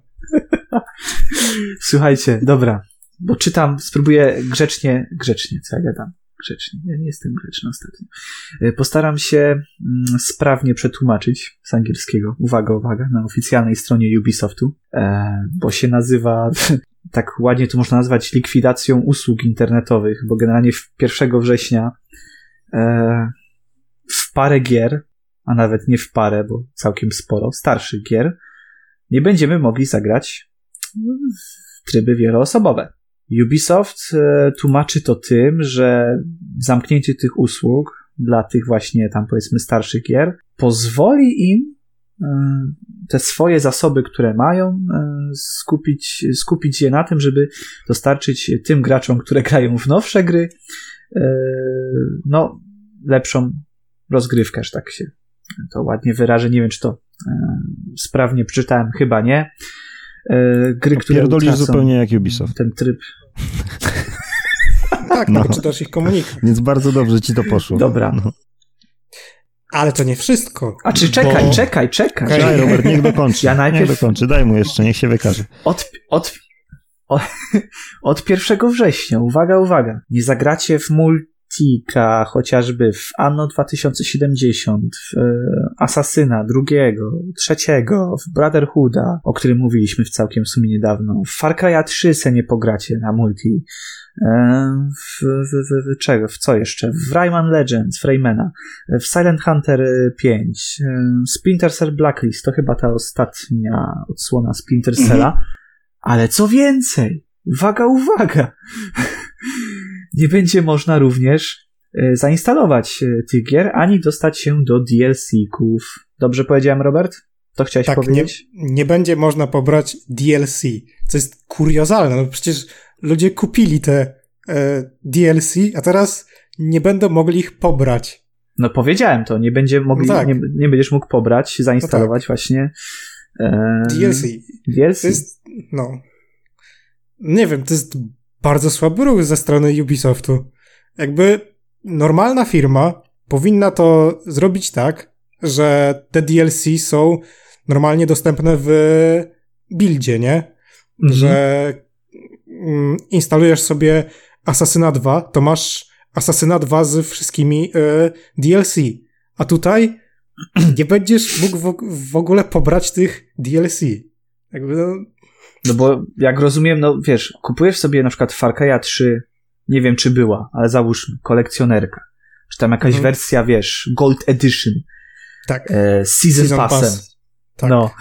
I tak mówisz, kurde, kupuję Season Passa, no bo kurczę, Far Cry to moja ulubiona seria. E, super se pogram, o tam jakaś skórka do broni, o jakaś tam może nowa mapa e, do multika, nie? Kurczę, fajnie, dobra, to się opłaca, jakby chcę wspierać, no bo jakby uwielbiam tę serię. I dostajesz takiego liścia po prostu na ryj, tak po prostu taka lepa, wiesz, no, masakra, Znaczy, nie? Ubisoft też chce Naprawdę, cię wspierać. straszny- Kasjan, straszny gadasz? On cię wspiera, on wspiera po prostu, żebyś kupił nowszą grę i miał e, lepszą rozgrywkę no, sieciową po co grać w te- e, w nowszej grze. To jest wszystko dla twojego dobra, żeby ci się lepiej grało w Mm. nowsze gry. No dobrze, ja w, oczywiście wiadomo, że ironizujesz, ale teraz na przykład y, gram sobie w Anno 1800. Załóżmy, że kupuję te wszystkie tam, nie wiem jak to się teraz nazywa, One Year Edition, Two Year Edition, ten Season Passy tam, tak, sezonowe na pierwszy rok gry, drugi rok gry, trzeci sezon, czwarty, jak to oni tam nazwą. No i za parę lat zrobię, zostanę wydymany po prostu, tak? Teraz zainwestowałem pieniądze, Tak. zostanę Każdą wydymany. zawartość cyfrową czeka. I to jest tak naprawdę pierwsza taka sytuacja, kiedy to się mm, zdarzyło chyba, ale no, takie sytuacje będą się zdarzać e, coraz częściej. W każdym sklepie internetowym w końcu zaczniesz tracić dostęp do rzeczy, które kupiłeś, które teoretycznie należą do ciebie. Tak naprawdę nigdy coś, czego nie posiadasz fizycznie, nie jest tak do końca twoje. To jest cały czas w rękach E. korporacji. Oni mogą ci to zabrać w każdej chwili, bo to gdzieś jest na, na kogoś serwerze w każdej chwili może to po prostu zniknąć, czy nawet ze sklepu, czy, czy, czy z twojej biblioteki. To nie jest twoja biblioteka. Wszystko, co jest cyfrowe, no dobrze, jest twoje, tylko... więc trzeba się z tym po prostu liczyć, że w końcu ktoś powie, że no kurwa, nie opłaca nam się tego trzymać, więc kto gra w stare gry, jakby to powiedział klasyk z, z Sony. Kto chce grać w stare gry? No ludzie. Okej. Okay. No dobra, ty, ja wiem, tylko że te, te twoje argumenty, które przytaczałeś, przytaczane były też, nie wiem, w 2007, kiedy, nie wiem, chyba Call of Duty. No czy, tak, ale nikt nie mówił, Warfare kiedy to nastąpi, 2. tak? To wiadomo, że to nie, nie jest coś takiego, że nagle zaczyna się sprzedaż cyfrowa i zobaczysz, za rok, za dwa wszystko nam zabiorą, wszystko stracimy. No, no nie, to, to, to jest proces, który trwa, tak? Te gry muszą się ewidentnie zestarzeć, a ktoś musi stwierdzić, że kurde, no to jest ruch, który nam się opłaca i na tym tracą gracze. No. No nie Ubisoft. Okej, okay, ale nie uważasz na przykład, Ja uważam, że, że to jest niesprawiedliwe, mm. no, bo, no bo w sumie zapłaciłem za to. Rozumiem, tak? no to, to, wiem. To, to, jest moje. Ale w sumie to samo dotyczy wersji pudełkowych. To nie jest tak, że gracze, którzy posiadają wersję pudełkową e, mogą powiedzieć, a śmiejemy się z was, bo, bo my mamy grę w pudełku. Nie, bo dostęp e, do większości e, zawartości też jest jakby dostępny, też jest potrzebne do tego mm, jakby połączenie sieciowe i te dane są pobierane. Jeżeli nie ma ich w sklepie cyfrowym, no to nawet jeżeli masz grę w pudełku i tak z tego nie korzystasz. Więc gdzieś jeszcze w erze siódmej generacji te wersje pudełkowe miały sens, bo zazwyczaj miałeś wtedy całą grę na płycie. Teraz już rzadko się to zdarza, żebyś miał całą grę na płycie. Zazwyczaj masz jakiś ułamek i tak pobiera ci za chwilę konsola 50 giga e, danych. No i teraz pytanie, czy szykują nam się jakieś, e, czy wierzycie w to w ogóle, że ktoś się wkurzy, pójdzie z jakimś pozwem. Ja nie mówię, żeby od razu wygrał, ale czy będzie chociaż jakiś ruch, który ruch ze strony graczy poza review bombingiem tak naprawdę i Ktoś nie to może jakimiś... spróbuje, ale nie sądzę, żeby to była jakaś masowa akcja. No, gracze wyrażą niezadowolenie, no i tyle co, jak Czytasz politykę no, ale... prywatności, jak kupujesz grę? No właśnie to nie jest twoja gra, ty tylko wypożyczasz. Mhm. masz może 50 okay. stron 2.4, które po prostu zatwierdzasz, akceptujesz, że ja chcę grać już w grę, kupuję, instaluję i, i tyle. Nie, nie czytasz.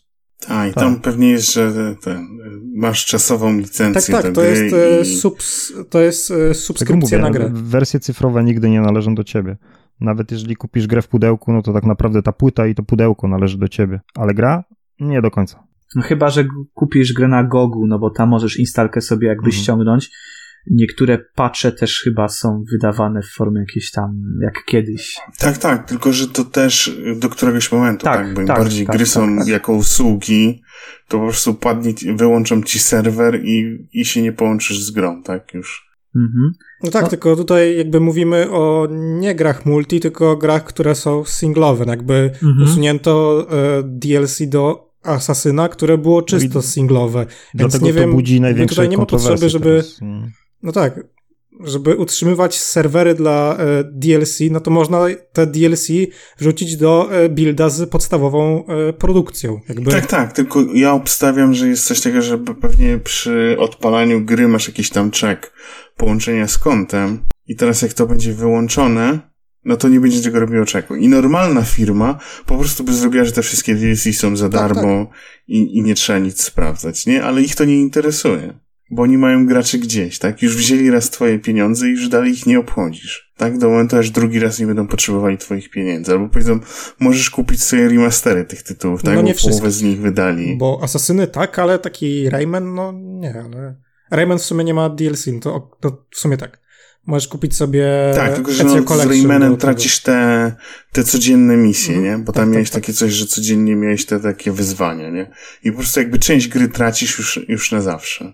Więc no, no to, to jest, mój, to jest ten problem, że jakby im bardziej idziemy w tę tam cyfrową część gier, tym, tym bardziej jesteśmy przewaleni i bardziej, bardziej skopane to wszystko będzie. Po prostu czy, czy tracimy po kawał, kawałek z jakiejś gry, czy po prostu stracimy całą grę, to taki będzie tego finał, tak? No bo... Ale nawet...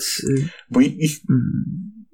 Sorry Tomku, że ci no bo... przerwę, bo jeszcze mhm. Silent Hunter 5 z tego co kojarzę, ma głównie chyba singla i jego też nie będzie się dało uruchomić.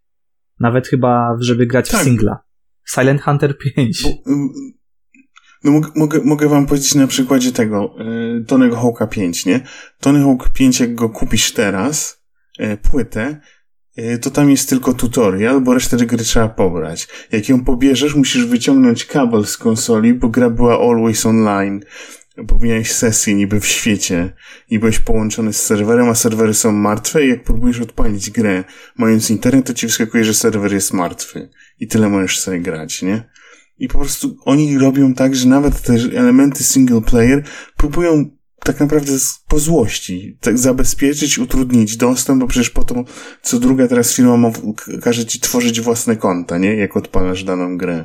Oni po prostu nam to utrudniają, niszczą i, i, i chcą, bo to też jest w ich interesie, tak? Załóżmy, masz tego Silent Huntera 5, jak nie będziesz w niego grał, no to może jest większa szansa, że kupisz jakiś inny tytuł, tak? I akurat może kupisz ten inny tytuł Ubisoftu. I to jest nienormalne i najgorsze jest to, że nie ma na przykład jakiejś od strony prawnej, jakiejś legislacji, coś, co by gwarantowało większe prawa graczom, osobom, które, które nabywają te tytuły, tak? Jakieś gwarancje, na przykład, że okej, okay, Ubisoft wyłącza te, te, te swoje elementy online, ale musi na przykład zapewnić to, że gracze mogą postawić własne serwery, czy tam gracze mogą w taki mhm. sposób uzyskać dostęp do tych danych. I, i teraz najlepsza rzecz, którą mogliby ludzie zrobić, to po prostu pójść do, nie wiem, do posłów, do senatorów, gdziekolwiek, do, do Komisji Europejskiej i zgłaszać, że coś jest nie tak i powinna być jakaś legislacja, która by zmuszała te wszystkie firmy do tego, żeby, żeby zadbała, zadbały o, o ludzi, którzy, którzy kupują te tytuły. Co też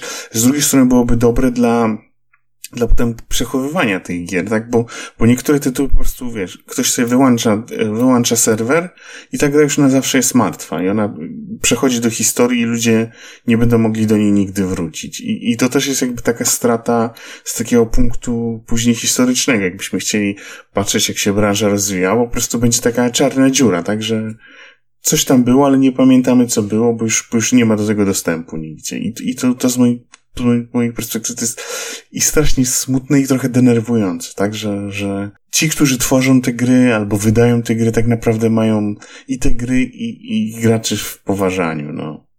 A Yubi po prostu ostatnio to, to świetnie pokazuje, tak. Co tam jeszcze mamy od naszych kochanych To jeszcze nie wszystko tak, o tak, bo tam Ubisoftie, no bo Assassin. Co Assassin? No, Liberation. A tak, tak. Mhm. Tak, to w ogóle dostęp do gry z y, gracze utracili. Tak. No to hmm. właśnie Assassin i chyba no Silent Hunter 5 też to czeka. zupełnie o, o, o grze, nie? Tak. Dostęp do gry. I to niezależnie od tego, czy grasz, masz grę w pudełku, czy, czy cyfrową. No, nie zagrasz, bo po prostu no, musisz się połączyć z kontem, więc... Chyba, że e, tego pirata jakiegoś no tak, sobie tak? ściągniesz grę no. z Można powiedzieć, piratów, że zachęcają no to będziesz tego, mógł nie? grać. Tak, no myślę, że to zachęcają, no bo jakby tej gry ani nie będzie można kupić na Steamie, ani osoby, które już tę grę kupiły, nie będą mogły w nią pograć, więc no to jest problem, więc myślę, że ludzie powinni się teraz rzucić na Zatokę Piratów. I tam, kup tak, i tam kupować gry Ubisoftu. Jeszcze bezczelne jest to, że oni ją nie tak dawno na promocji sprzedawali. Mm -hmm. Tak mhm. chyba nadal możesz ją kupić, mimo że mają świadomość, że za, za niedługo ci ją tak, wyłączą. Tak, tam no, to, to jest po prostu bezczelne. E, napis nawet na tym produkcie, że wyłączają dostęp do gry, więc kupujesz na własną odpowiedzialność. Chociaż widzę, że Eurogamer wrzucił jakąś aktualizację, angielski tak? Eurogamer, że właściciele Assassin's Creed'a nadal będą mogli grać i ponownie pobierać grę po włączeniu U. serwerów 1 września. Tak niby Ubisoft powiedział, ale no to, to jest... Ubisoft się trochę ukoił jednak. No, hmm, no nie wiem, czy jakiś... Może nie spodziewali się aż takiego hejtu. No myślę, że wiesz, stwierdzili, tak a gra, ta gra już nikogo, więc w sumie spróbujmy, nie? Ale to jest dosyć e, częste, że tak się próbuje po prostu jakby takie negatywne w stosunku do graczy rzeczy wprowadzić, a jeżeli jest zbyt negatywny odzew ze strony społeczności, no to wtedy no, bijemy się w pierś, popełniliśmy błąd. Tak. Mhm. Znamienne tutaj tak jest. chyba nawet to... ostatnio z NFT było tak, ich, tak, tak że tak, po 24 tak, tak, godzinach nagle, a i cofamy decyzję. Znamienne tutaj jest to, że właściwie w poprzednim podcaście mówiliśmy o świętowaniu serii e, Assassin's Creed, A w tym podcaście mówimy, że Ubisoft jakby się pozbywa historii tej e, serii, czyli usuwa Liberations HD i e, DLC do klasycznych e, odsłon, więc no, nie wiem, super święto, nie? No bo oni chcą, żebyś świętował płacąc im za nowe gry, Tak. nie? Ty masz kupować Valhalla, a nie tam trójeczkę. No, ale tam Robert już kupił Valhalla, najlepiej więc tam o co chodzi? jakieś O co tam im monety do Valhalla. Tak, już kupiłem Valhalla, Musimy nawet im to z DLC. powiedzieć, Ale- że Robert już ma. No ale, a kupiłeś wszystkie mi mikropłatności już? mikropłatności nie, ale kupiłem wszystkie DLC, bo kupiłem Season Passa, więc to... To jeszcze za mało świętujesz. No, za mało za świętuję. mało świętujesz. Mikropłatności. Ale jeszcze. akurat kupiłem Jak Season... wydasz Mhm. tysiąc na mikropłatności, to będziesz świętował. Dopiero poniżej się nie liczy do nich. Kupiłem Season Passa w sklepie Xboxa, więc no nie będzie takiej sytuacji chyba, że mi Ubisoft to zabierze, bo to nie jest z ich oficjalnego e, sklepu, tylko sklepu Microsoft. To przyjdą go ten, wyślą ci kogoś, przyjdzie z Tak, młotkiem tak, i po tak. prostu konsolę rozwali. No jak? No, ale może dadzą mi przejść, no nie wiem. No pewnie masz czas do momentu, aż ogłoszą jakąś kolejną, tak? To Tak, no czyli mam dobra, czas do to już września. Staną wyłączone. No. No i jeszcze co mieliśmy z Ubisoftem? Mm, E, taka, ten, piraci, taka, gra, nie? taka gra o piratach. No jak ona się nazywała? Kurde, bo już zdążyłem zapomnieć. Po pięciu latach możesz zapomnieć. Tak. Nawet więcej niż pięciu, bo ta gra powstaje od momentu Asesyna czwórki, czyli 2013 Mhm. W roku. 2017 to ona miała chyba pierwszą datę premiery. Tak. No, Tak, no. gra, która pójdzie na dno tak szybko. No, szybciej, jest szybciej pójdzie na dno niż zaplanowane. Oni mówią, okej, nim. zróbmy e, w okolicach e, Gotowora, trzeba zrobić premierę. Jak nikt nie kupi naszej gry, to powiemy, że to przez e, e, ekskluzyw Sony. Tak, no, I proste, no. Wydają właściwie dzień Samobójstwo, wcześniej. kurwa. No samobójstwo. No, No ale dobra, ale no, no, no, to, to, ta gierka wygląda jak Może sprytne, może jakoś okładkę zrobią bardzo podobną do God of War się i liczą, że ktoś się nabierze, nie? Na Xboxie wszyscy kupią. nie Tak. pomyl gry. Kiedyś jak był taki polski film bodajże o Dywizjonie 303, to w tym momencie wychodziły dwa filmy o Dywizjonie 303 i jeden z nich miał na plakacie e, nie pomyl filmu. Więc może zrobią tak samo. dobra, parodia westernu, idziemy dalej, bo co tu się... Nie no, ten Skull and Bones to jest, to nie wiem, no początkowo to miał być, to miała być gra, która bierze wszystko, co najfajniejsze z Asasyna czwórki. Jest takim asasynem czwórki bez y, asasynów, więc zostają sami y, piraci, czyli coś, o co ludzie właściwie prosili. No ale ta gra przez kilka lat przechodziła bardzo dużo zmian. Teraz to jest, no, bez sensu. To jest taki survival pływany.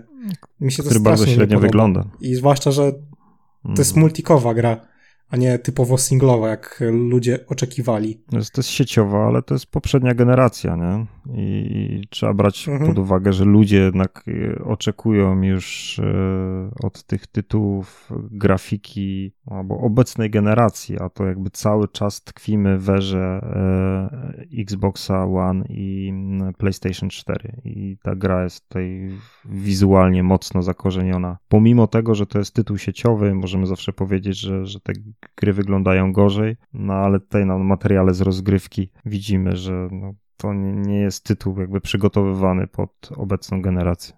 Ale to nie wygląda nawet ciekawie. Jakbym chciał sobie pop, y, pływać, to bym wolał włączyć Asasyna czwórkę niż to. Więc no, Tak, no plus y, za darmo na PC i Xboxie Sea of Thieves, jak ktoś no chce tak, jak ktoś chce sobie multi multiplayer z pograć. piratami. No. I to jest tytuł, który był przez te lata, co oni go tworzą, te, ten Skull and Bones, tamten był tytuł rozwijany i jest coraz lepszy, więc jakby startują od razu na przegranej pozycji. No ale Santa Monica Studio pewnie drży teraz, bo co to będzie z tym God of? No, boję się. Kto teraz kupi? Jakiegoś Kratosa. No, no pewnie ja- przełożą premierę, powiedzą. Chyba, że nie, przełożą, nie ma szans. chyba, no, że przełożą e, premierę na 11 września i wtedy będzie git, nie? O, to wtedy by był ten, gorący news, tak? GamerWeb ma... A ja bym został influencerem. najmocniejszy- Ale ta gra 13 kiedy No, debiutuje? Tak, no. Ten remake remake'u? Trz- 13 No, no września. nie, to września. też. 13 Wtedy września. God of War znowu by się musiał mierzyć z gigantem i Tak, też by tak. miał ciężko, więc na wrzesień też im się nie opłaca. Niech przyłożą na styczeń może. Tak. Generalnie mogliby No, już. na 24. Albo już by mogli wydać po prostu. Może już wydali, tylko nikt nie wie, nie? O, breaking news i mamy, wiesz, milion wejść. Na Znaczy, zauważyłem, że też niektórzy sądzą, że God of War zostanie przełożony, e, ale szczerze mówiąc wątpię chyba w to, bo jeżeli zapowiedzieli już tak bliską datę premiery, to, to wydaje mi się, że rzeczywiście ta gra ukaże się w tym roku. Son ostatnio dziw, dziw, dziwnie podchodzi do swoich e, gier i to jest takie nieobliczalne, więc czasami nie wiadomo, czego się można po nim spodziewać, bo rzeczywiście mało materiałów jest. No właśnie, chyba po tym to Mhm. ludzie tak sądzą, bo faktycznie, jak chcesz coś sprawdzić, nawet ja, taki laik w temacie. Wydaje mi no się, że ta gra będzie strasznie chujowa i dlatego. Nie, no w to akurat No, wątpię, no tak szczerze. Dobra, to przejdźmy do gier mm, z Xbox Nie, Game ale Passa. jest jeszcze Ubisoft mamy. Nie, no coś tam było jeszcze. Jakaś mobilka. Tak, jeszcze możemy się pośmiać teraz z Francuzów. Jeszcze mamy mobilkę. The Division. The Division ma mobilkę. Serio, wy to chcecie omawiać, no dajcie spokój. No. A to jest, Ciszej nad to jest tą najlepsza trumną. informacja w ogóle. No, Ubisoft chce sobie zarobić na mikropłatnościach troszeczkę. Dajemy mu, ściągnijmy tą gierkę i, i kupujmy skórki. Skórkę to ty wiesz. A dobra, nie będę ci mówił nawet. Eee, Znowu kulejkę, no ja pierdolę. ja tak chciałem delikatnie ze smakiem, a ty tak musiałeś to od razu, wiesz. O Boże. Dobra, Game Pass, panowie, już, konkret. Kto grał w Świnkę Świnka Pepe? Kto grał w Matchpointa? Świnkę Kto Pepe grał nikt nie w grał, bo-? Pepy jeszcze nie już ma. Pepa weszło? Pepa będzie, No jest w Game Passie. Pepa będzie dzi- A nie jest Teraz dopiero zobacz. 14? No No wyszło do- Ale roku. tak, ale no tak, ale nie roku. kupiliśmy jej w Game Passie. No tak, tak, będzie. tak, ale w Game Passie. Zaraz zobaczę. Pepa w Mhm. Game Passie. A myślałem, że ktoś właśnie grał i chciał polecić już. No Pepa jest faktycznie... Ja myślałem, że ten Psi Patrol i ta, i, Mhm. i Świnka Tak, tak. 14, bo ja tu już Psi Patrol grałem. te ręce. 14. Mhm. E, To powiem, że to jest najsłabszy Psi Patrol, jaki się ukazał, e, dlatego, że jest strasznie zbagowany. I ostatnio grałem w niego na premierę, bo pisałem recenzję i ostatnio wróciłem do niego, bo córka coś tam mówiła, a Psi Patrol, Psi Patrol, chciała pograć. Przeszliśmy jedną misję, znowu się zbagowała na samym końcu, trzeba było restartować konsolę i, i, i jednak powiedziała, tata w takie gry zepsute nie będziemy już więcej grali, więc y, bez problemu wyleciała z dysku. A w poprzedniej części mam 100% zrobione, więc y, gra działa bez zarzutu. No, ta część jest rzeczywiście robiona na szybko pod film, który ukazał się w, w tym samym czasie, bo to była wtedy taka kinowa wersja Psiego Patrolu i no, widać, że twórcy nie postarali się i nadal gra działa jak kupa. A Świnka Pepa zbierała całkiem niezłe recenzje, więc będę chciał ją ograć. Ja sam lubię takie gry ogrywać, bo można łatwo tysiąc punktów zdobyć na Xboxie. Jak ktoś lubi e, trofea albo osiągnięcia zdobywać, to, to gry dla dzieci są zajebiste. Dobrze, a ktoś Matchpointa na przykład Ja ogrywał? uruchomiłem smury, Albo- bo nie chciałem ryzykować, żeby Mhm. instalować. I? No dosyć trudna jest to gra i na pewno nie będę w nią grał. Lu- lubiłem te stare e, serie z siódmej generacji. Top Spin, tak? I jeszcze była... Virtua Virtua Tennis. I tam jakby ten próg wejścia był troszeczkę niższy. Jakby z każdym meczem e, wchodziło się na wyższy poziom. A tutaj e, wiesz, ro, robisz samouczek, gram pierwszy mecz i dostaję solidny wpierdol na najniższym jakby poziomie, no bo mój gracz jest słaby, no i niby przeciwniczka też, czy przeciwnik jest słaby, ale w chuj lepszy ode mnie. Więc no nie szło mi tutaj najlepiej. Jeśli to sterowanie nie jest dla mnie mało intuicyjne. Nie wiem, albo ja jestem do dupy, albo ta gra jest zjebana. O. A jeżeli chodzi wizualnie, Okej. no to same tutaj no to je- jest to takie sportowe AA, nie? Nie jest taka produkcja wysokobudżetowa. Na przykład y, publiczność na trybunach to jest tragedia wizualna, ale te najbliższe otoczenie, czyli tutaj y, zawodnicy, kort, no, wygląda to całkiem spoko. Y, Dziś y, ta sama mechanika poruszania się zawodników też nie mam się tutaj do czego przyczepić. Okej. y, O Road 96 żeśmy już też rozmawiali, także myślę, że możemy odesłać naszego Ej, ale YouTube'a. najlepsze to jest to, zobaczcie jaka siła e, Game Passa. Jak tytuł debiutował, jak port na Xboxa debiutował, od razu wypuściliśmy recenzję na, na YouTube'a, skądinąd fatalną, jeżeli chodzi o audio, bo nagrywałem ją e, na kolanie na święta wielkanocne wyjechałem, więc tragiczne jest audio w tej recenzji. Ale mm, recenzja miała chyba 20 odwie 200 odwiedzin w ciągu od kwietnia i nagle jak gra trafiła do Game Passa, to w 3 dni dobiła do ponad 600, e, więc jednak e, premiera w Game Passie jest, mam większą siłę niż, niż ogólnie premiera gry na rynku. Mhm. No to, e, drogi Microsoftie, prosimy w, w, takim razie do Game Passa. Już czytam. Kangur Kakao, Alexa 2, Horizon Forbidden West, e, Syberia, Syberia The World Before, Elden Ringa, Shadow Warrior 3, Gran Turismo 7, Ghostwire Tokyo, Shredders, a nie, to by, to jest, a to możecie dodać jeszcze raz. E, Ale z, traktujami tak to dobrze nie działało. No bo od no razu nie, zadebiutowała niestety. Game Passie, tam konkurencja była wtedy zbyt duża. Mm. Dlatego mówię, to trzeba po prostu, wiesz, jakby wyrzucić i wrzucić raz jeszcze. No ale tak przecież się teraz y, stało z Jakuzą. Tak jest, dokładnie. Bo Jakuzy były w Game Passie, zostały wyrzucone z pół roku temu i teraz są przywracane. Ja myślę, że ktoś w okolicach Łodzi pisał pewien protest. Jak graliście w taką grę muzyczną, ona teraz też jest w Game Passie, to jest Respect 5, czy... E, ten DJ, DJ, DJ tak, Max, tak, tak, tak? DJ Max Respect 5. Jezu, jaki to jest poziom. Mm. Wiesz, przechodzę jakby tutorial jest, jest w miarę okej, okay, nie?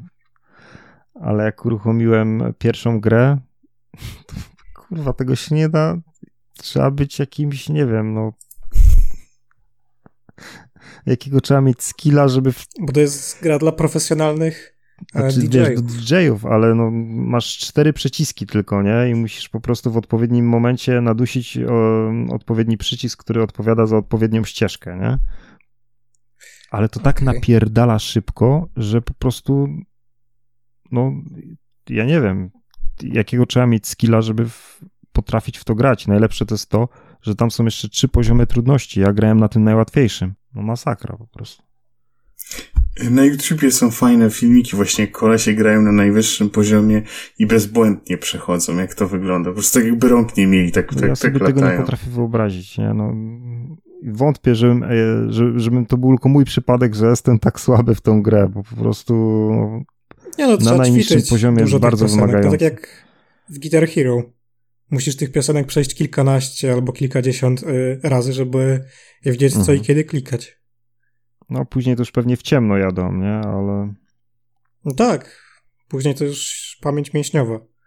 Bo tu już jeszcze nie jest tylko kwestia nawet naduszenia w, w odpowiednim miejscu przycisku, tylko na przykład też długość jakby jego naduszenia, nie? Przytrzymanie tego przycisku te, też jest istotne, ale no, poziom trudności po prostu mnie rozjebał, położył mnie na łopatki. Mówię, ja pierdolę, no nie jestem w stanie. Nie mam aż tyle samozaparcia w sobie, żeby, żeby jeden utwór powtarzać, nie wiem, 100 razy, żeby może zrobić go na 60%. Okej, okay, myślę, że możemy to podsumować, że rozpiska jest okej, okay, spoko. E, tam jeszcze chyba House Flipper, e, no tak, tak, mówiliście o tym, że Świnka Peppa 14 lipca. Także no, jest w co grać. Akurat tytułów jest całkiem sporo, jak ktoś też tej Jakuzy potrzebuje. No jeśli ktoś jeszcze nie przeszedł Jakus, no to tak. tak no to Patrząc na media społecznościowe widzę, że Road 96 przeżywa drugą młodość. No i okej. Okay. Bo to w sumie jest taka gra trochę do Game Passa. Mimo, że nie wyszła w Game Passie, ale no, to jest taka jakościowo i kontentowo, bym tak powiedział. Dobrze. Jeszcze o, o jednej grze z Game Passa dzisiaj porozmawiamy. Okej. Okay. Dobra, chyba nawet wiem o której. Nie no, spokojnie. Mamy. Mamy dwie recenzje dla Was przygotowane. Także może zacznijmy od yy, gry? Od gry? Kamil? No, może od gry. W sumie jak już tak zacząłeś, y, że porozmawiamy o grze z Game Passa, to w sumie czemu nie? No i co tam mamy w tej, co to za gra? Przypomnij mi. A to As Dusk Falls nie jest w Game Passie? Jeszcze nie. Premiera, premiera 19 lipca, e, czyli we wtorek, za tydzień, bo my rozmawiamy 11 lipca. U, no to chyba Jesteśmy- jeszcze... Jesteśmy grubo będzie. przed e, embargo, ale powiem tak. Ja wyjeżdżam na wakacje w weekend, więc no, spodziewam się, że prawdopodobnie jeszcze będę przygotowywał przez tydzień ten podcast. Więc spokojnie, embargo kończy się w poniedziałek przyszły i wtedy opublikujemy podcast, więc wydaje mi się, że możemy rozmawiać o tej gierce. No, no to tak właśnie wiesz, bo tak mnie wypuściłeś, a potem tak, no, że. cię. Wiesz jak to ja. No właśnie nie. Dobra. To mam jeszcze raz, czy co? no jeszcze raz. było, no rozmawiamy, no. Wytłumaczyłem, jak wygląda sytuacja przecież, nie? Że obecnie rozmawiając o tej Dobra. grze łamiemy embargo i, i musimy No nie łamiemy, bo to jest wewnątrz... wewnętrzne, wewnątrz naszego, redakcyjna tak, rozmowa. teamu. Tak, tak. Ten, dzisiaj jest 19, 19, więc rozmawiamy to jest. 19. I rozmawiamy o As Dusk Falls. Kamil, jedziesz. Tak. No co mogę powiedzieć? No Microsoft y, mocno wszedł w sezon ogórkowy. Zresztą y, Sony też ma tam asa w rękawie, bo dokładnie tego samego dnia, czyli 19 lipca, premierę będzie miała gra e, Stray na PlayStation i PC. E, No i też pewnie większość graczy ma e, większe oczekiwania w stosunku do gry na platformę Sony, no bo wiadomo, mm, KOT i Cyberpunk, no to musi być coś fajnego, ale muszę jednak przyznać, że gra od małego studia z Londynu, mm, Interior Night, może być najlepszą grą okresu wakacyjnego. Więc wszystkie moje oczekiwania zostały spełnione. No, może poza finałem, który mnie nieco zawiódł, ale, ale o tym później. Yy, najprościej można określić As Dusk Falls jako interaktywny dramat, w, w którym nie uświadczymy żadnych klasycznych e, elementów gameplayu. Całość opiera się na podejmowaniu decyzji oraz na quick time eventach. Oba systemy jednak zostały bardzo dobrze zaprojektowane i dostajemy, mm, i gra ma nam o wiele więcej do zaoferowania niż chociażby e, w debiutującym w zeszłym miesiącu The Quarry od Supermassive Games. Mm, Oczywiście najważniejszym elementem jest tutaj fabuła, którą nie tyle odkrywamy, co kształtujemy. Każda decyzja, e, każdy źle wykonany element sekwencji Quick Time Event może mieć istotny wpływ na przebieg rozgrywki. I to nie są puste słowa. Czasami jednak jedna pomyłka e, przesądza o tym, czy bohater zginie, a, a konsekwencje jego śmierci będą się za nami ciągły przez e, kolejne rozdziały. Mm, W zarysie takim najkrótszym fabuła opowiada o dwóch rodzinach i ich znajomych, mm, których losy niefortunnie sk- skrzyżowały się w, w przydrożnym motelu e, w Arizonie. Mamy więc rodzinę Holtów, której trzej bracia mm, postanawiają się ukryć w motelu po nieudanym rabunku na dom szeryfa. Jest jeszcze druga taka typowa, przeciętna amerykańska rodzina, która była zmuszona zatrzymać się w tym motelu po awarii auta. Mm, I te kilka godzin spędzonych ze sobą e, ma decydujący wpływ na dalsze życie e, każdego z bohaterów, które w niektórych przypadkach może okazać się bardzo krótkie. E, Do dyspozycji otrzymujemy trzy, a w zasadzie mm, licząc jeden krótki epizod, cztery grywalne postacie. Pierwszej części, e, która przedstawia wydarzenia z końca lat 90., wcielamy się mm, w głowę rodziny Vince'a oraz e, Jaya, najmłodszego z braci Holtów, a następnie w drugiej części, której wydarzenia rozgrywają się mm, 14 lat później, dochodzi jeszcze Zoe, córka Vince'a.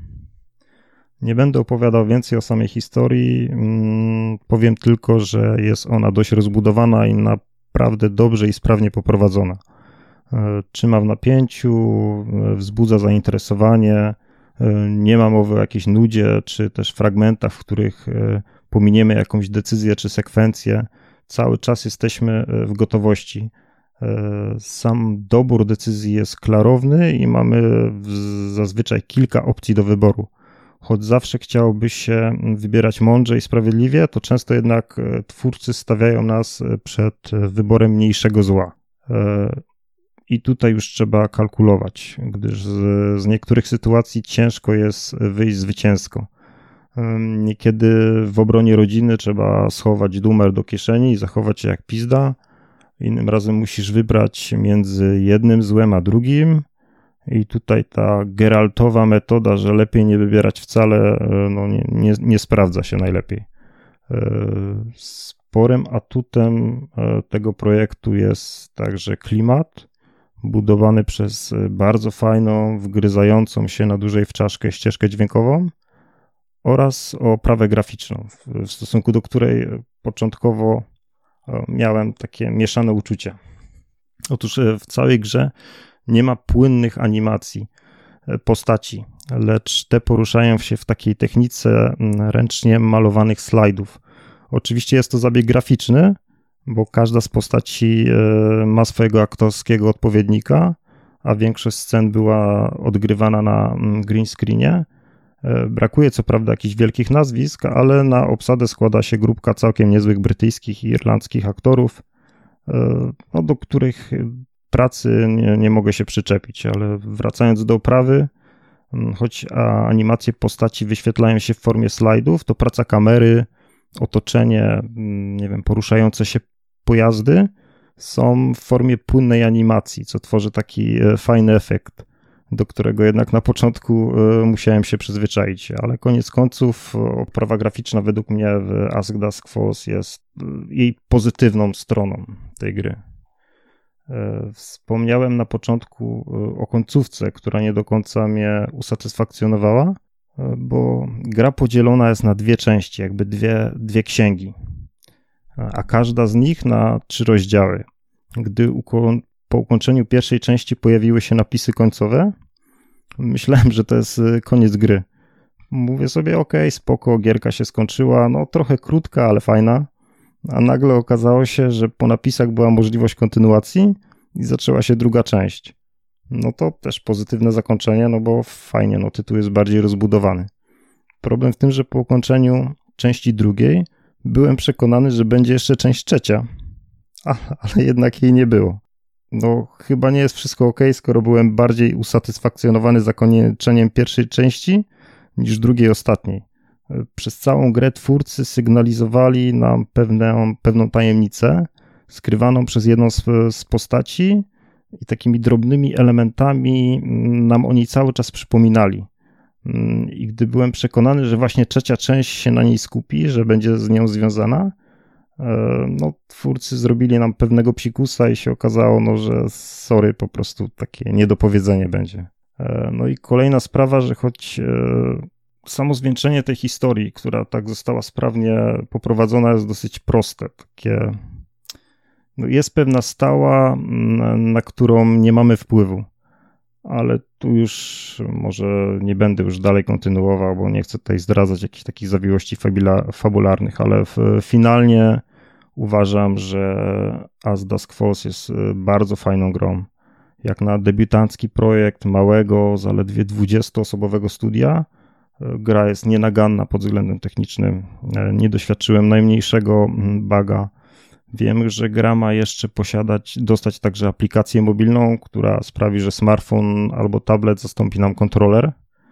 E, dzisiaj jest 11 lipca, premiera jest za ponad tydzień, więc no, nie miałem jeszcze okazji przetestować tej aplikacji. Wiem, że ona w tym tygodniu dokładnie ma, ma się ukazać. Kolejna sprawa to możliwość gry w sieci. Jest multiplayer do 8 graczy i lokalnie do 4 graczy. Mm, polega on na tym, że po prostu gracze mm, podejmują wspólnie decyzję i ta decyzja, która zostanie, mm, dostanie najwięcej głosów, no to tą decyzję podejmie nasz bohater. No i to się fajnie sprawdza, szczególnie kiedy jest nieparzysta liczba graczy. A tak po prostu, no, jeżeli mamy remis 4 do 4 albo 3 do 3, 2 do 2, 1 do 1, no to jeszcze potrzebny jest później, trzeba jednak podjąć tą de, ten decydujący głos i można wtedy jakby wybrać osobę, która będzie odpowiedzialna za jakby wtedy przechylenie tej szali, który głos ma być tym decydującym, tak?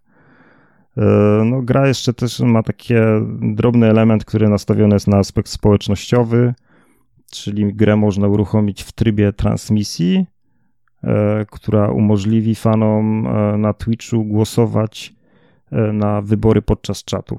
Wydaje mi się, że jak ktoś prowadzi transmisję na Twitchu, to, to też jest o, fajna taka ciekawostka. No i to w zasadzie tyle, co bym miał do powiedzenia.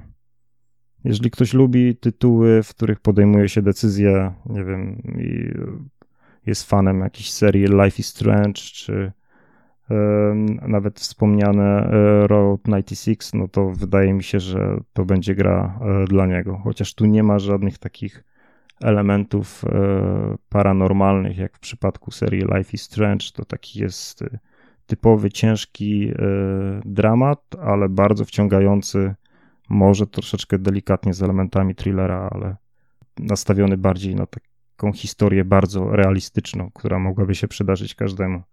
Macie może jakieś pytania? Chyba nie. Myślę, że przedstawiłeś tę grę bardzo dobrze. Ja właściwie miałem pytanie o e, grafikę, ale to już też powiedziałeś. Mhm. Na początku, jak moja żona zobaczyła, jak grałem w tą grę, mówi to, a mówi, ciężko mi się na to patrzy, dziwnie, dziwnie, nie? Co za dziwna gra. I na początku też miałem takie odczucie, gdzieś tak pierwsze 15-20 minut. No bo na pokazach, jak to było na konferencji Microsoftu, taki ten pokaz e, slajdów był dziwny, ale, jeż, ale jeżeli do tego tak, da się przyzwyczaić, ja nie miałem no z tym problemów. Super. Później jak już siadałem do kolejnych, zresztą zbyt często nie, nie, nie siadałem do tej gry, bo, bo ukończyłem ją w sumie w dwa dni. Także pierwszy rozdział strzeliłem w jeden dzień, drugi w drugi i spokojnie jakbyś poświęcił tak więcej, ale mówię, ja teraz mam wakacje, więc e, gram w dzień, córkę mam e, na wakacjach u mamy, więc mam luz blues przez cały dzień, więc teraz mogę poświęcić się na granie. No więc dosyć szybko mi to zeszło, ale no tak te dwa rozdziały wydaje mi się, że 7-8 godzin byśmy musieli poświęcić, żeby je ukończyć. I też y, może jest nawet fajny też y, gdzieś jakaś taka furtka na rozwój tego, tego tytułu, żeby może jeszcze dodać jeden rozdział. Y, uważam, że tą historię, pomimo że wątki niektórych postaci w jakiś sposób zostały już zamknięte po drugim rozdziale, to można by jeszcze niektóre elementy, jakby wątki rozbudować i coś połączyć, może historię z, z wydarzeniami jeszcze sprzed tego 98 roku, kiedy akcja wydarzyła się e, w tym motelu. Okej, okay, to możemy przejść do recenzji filmu. Kto oglądał najnowszego Tora? Ja. No i ja też. I ja nie, także wam oddaję głos. To może Robert zacznie. Robert, a, a, a ja, będę, a ja będę mm, mówił, kiedy okay, będę miał inne no zdanie. No to nowy Tor właściwie jeżeli ktoś oglądał Thor e, Ragnarok, który był takim komediowym podejściem do Tora, to myślę, że nie powinien się zawieść z miłością i gromem. To jest czwarta część Tora, bo odpowiada za nią ta sama osoba, czyli Taika Waititi, który ma swój specyficzny styl, który nie wszystkim musi się spodobać. Ja akurat dosyć go lubię, ale też nie jestem jakimś wielkim fanem, więc do tego Tora trosze, trochę podchodziłem zachowawczo. I to jest dobry film, ale tylko wtedy, jeżeli wyłączycie swój mózg podczas yy, oglądania, bo wtedy dostaniecie całkiem niezłą komedię z bardzo ładnie wyglądającą yy, akcją. Czasem niektóre żarty mogą być sucharowe, ale ogólnie ten film bawi. Dopiero wtedy, gdy zaczniecie się w niego e, wgryzać, trochę o nim myśleć, no to wyjdą na wierzch wady. Między innymi miałem taką wadę, że montaż tego filmu jest zdecydowanie za szybki. Wszystko dzieje się jakby to był jakiś TikTokowy e, montaż, no i przez to postacie nie mogą się e, rozwinąć. Zwłaszcza tyczy się to antagonisty, czyli Gora bogobójcy, który w komiksach był podobno dosyć e, złożoną postacią. Ja niestety nie czytałem komiksów serii Thor, więc tutaj nie potwierdzę tego, czy faktycznie tak było. Na filmie, no to była postać z potencjałem, która nie była aż tak e, rozwinięta. Mm, Myślę, że warto tutaj wskazać także, że powraca tutaj Jane Foster, czyli bohaterka z pierwszego i drugiego Tora, za którą widzowie niezbyt tęsknili, bo ludzie nie lubili postaci Jane. I akurat niezbyt. E, nie byłem w tym e, obozie, który jej nie lubił. Dla mnie była taka obojętna. No a tutaj e, Jane dostaje moce Tora, staje się panią Thor, bądź jak to też nazywa w firmie Mighty Thor wypadła bardzo dobrze. Moim zdaniem to była najciekawsza postać z filmu, zwłaszcza, że ona ma swoje takie bardziej mroczniejsze backstory, które jest dosyć nieoczywiste jak na film komediowy. Ogólnie mi się podobał, mogło być lepiej, no ale nie, nie będę narzekać, że to jest jakiś najsłabszy film MCU, no bo absolutnie nie jest. Tak więc Radek Dobry nie film, zgadzamy 7 się na 10. Pie... No nie zgadzamy się z e, Radkiem. Tak. Co się dzieje z człowiekiem, jak odchodzi z Gamer Weba? To jest po prostu tragedia. Dokładnie, no. Gust się psuje, nie? No tak. Natalie Portman e, nawet, nawet fajnie zagrała to, co miała do zagrania. Chociaż trochę z Natalii jest taki problem, że ona nie jest z natury komediowej, bo jakby jak patrzysz na Chrisa e, mhm. Hemswortha mm. i to aktorkę, która grała Valkyrię, no to oni bardzo dobrze się odnajdują w komediach, a na, Nat e, Natalii trochę tak zachowawczo. Myślę, że największa ilość sucharów pochodziła od tak, niej. Tak, tak, tak. Ale wydaje mi się, że też celowo gdzieś te suchary ona wypowiadała, bo nawet się z tego w samym filmie śmiali, że nie miała mhm. jakiegoś takiego faj, fajnej puenty, nie potrafiła e, nigdy powiedzieć, mhm. walcząc tam z przeciwnikami e, i musiała jeszcze nabrać doświadczenia. E, ale często jest, że może jestem niesprawiedliwy w stosunku do kobiet, że te postacie kobiece jakby mniej sprawdzają się e, w rozśmieszaniu widzów. Wiadomo, że są specjalistki. No, Walkiria akurat była e, spoko. Słucham? Walkiria, ta czarnoskóra tak, bohaterka. Tak, tak, no. mhm. Pani e, burmistrz w Nowej tak, Walhali. Tak. No ale tutaj no, no. A jak ci się podobały kozy? No kozy też były zabawne, na pewno zabawniejsze od Natalii Portman. I głośniejsze tak. od niej, e, czy, czy w kinie trzeba było się przyzwyczaić. No nawet e, Russell Crowe, którego moja żona nie poznała dopiero po, po seansie i powiedziałem, kto, kto się wcielił w Zeusa, no bo jednak jeszcze wyobrażenie Russella Crowe'a jako gladiatora troszeczkę gdzieś w głowie funkcjonuje, a tu widzisz jakiegoś takiego dziwnego starszego pana z brzuszkiem, ale no, to, no, to, no też fajnie zagrał. No jest też był, kto tam jeszcze był? Matt Damon, który się wcielił w aktora w Loki. E, tak, tak, tak. No, w, w, tych ciemnych, e, czarnych włosach też w, już sam jego wygląd e, no, przyprawia człowieka o uśmiech na twarzy.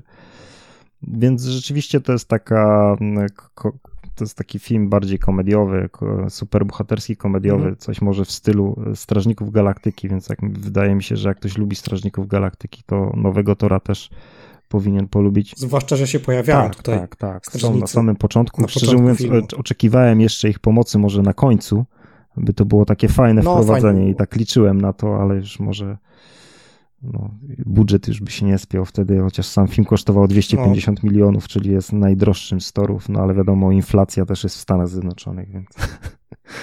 no.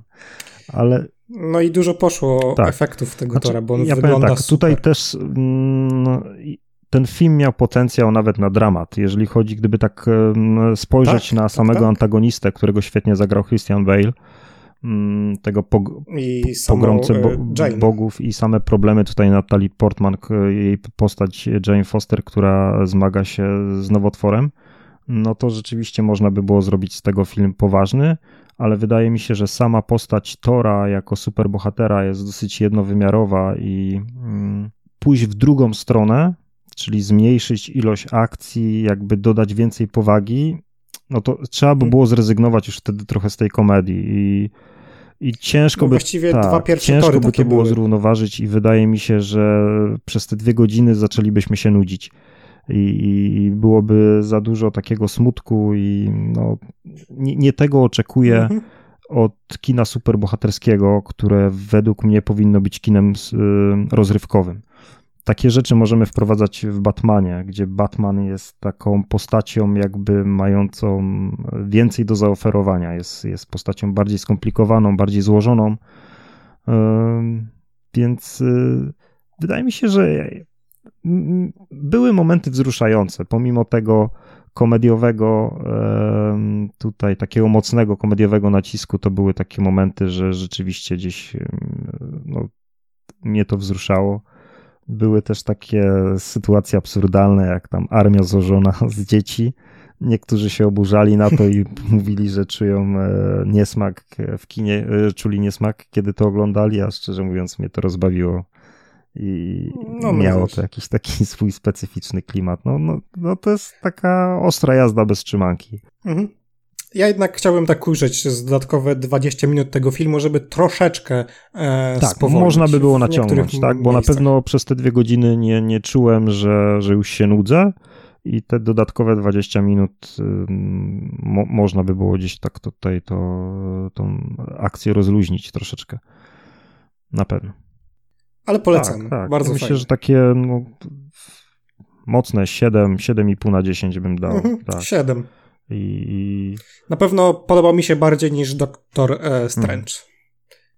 I myślę, że całościowo to jest lepszy film niż No Way Home, no ale No Way Home było widowiskiem, które e, grało na nostalgii, więc no. Tak. No. Nie da tak. się tego porównać. To też zależy, jakie kto ma mm, poczucie humoru akurat. No, ja, ja lubię, niektórzy twierdzą, że to jest humor jakiś tam cringe'owy, niektórzy, że, że nastawiony na, na, na, dla nastolatków. No ja widocznie mam takie poczucie humoru nastolatka jeszcze, bo akurat mnie... No jeżeli ktoś lubi krzyczące tak, kozy. bo akurat mnie tam nawet takie małe, czasami drobne elementy, gesty yy, no, bawią. Więc Kasjan, e, możesz iść na randkę, możesz się umówić, pójść na tora. Miłość i grom. Zobacz jaka nazwa. Ty jesteś gromo na miłość i e, no, na romantyczny wieczór w sam raz produkcja. A, e, no, jest zabawna sytuacja, bo wybierałem się na seans, byłem, to był czwartek, kiedy była premiera tego filmu w Polsce? Czwartek, nie? Mm, czwartek, mhm. piątek chyba.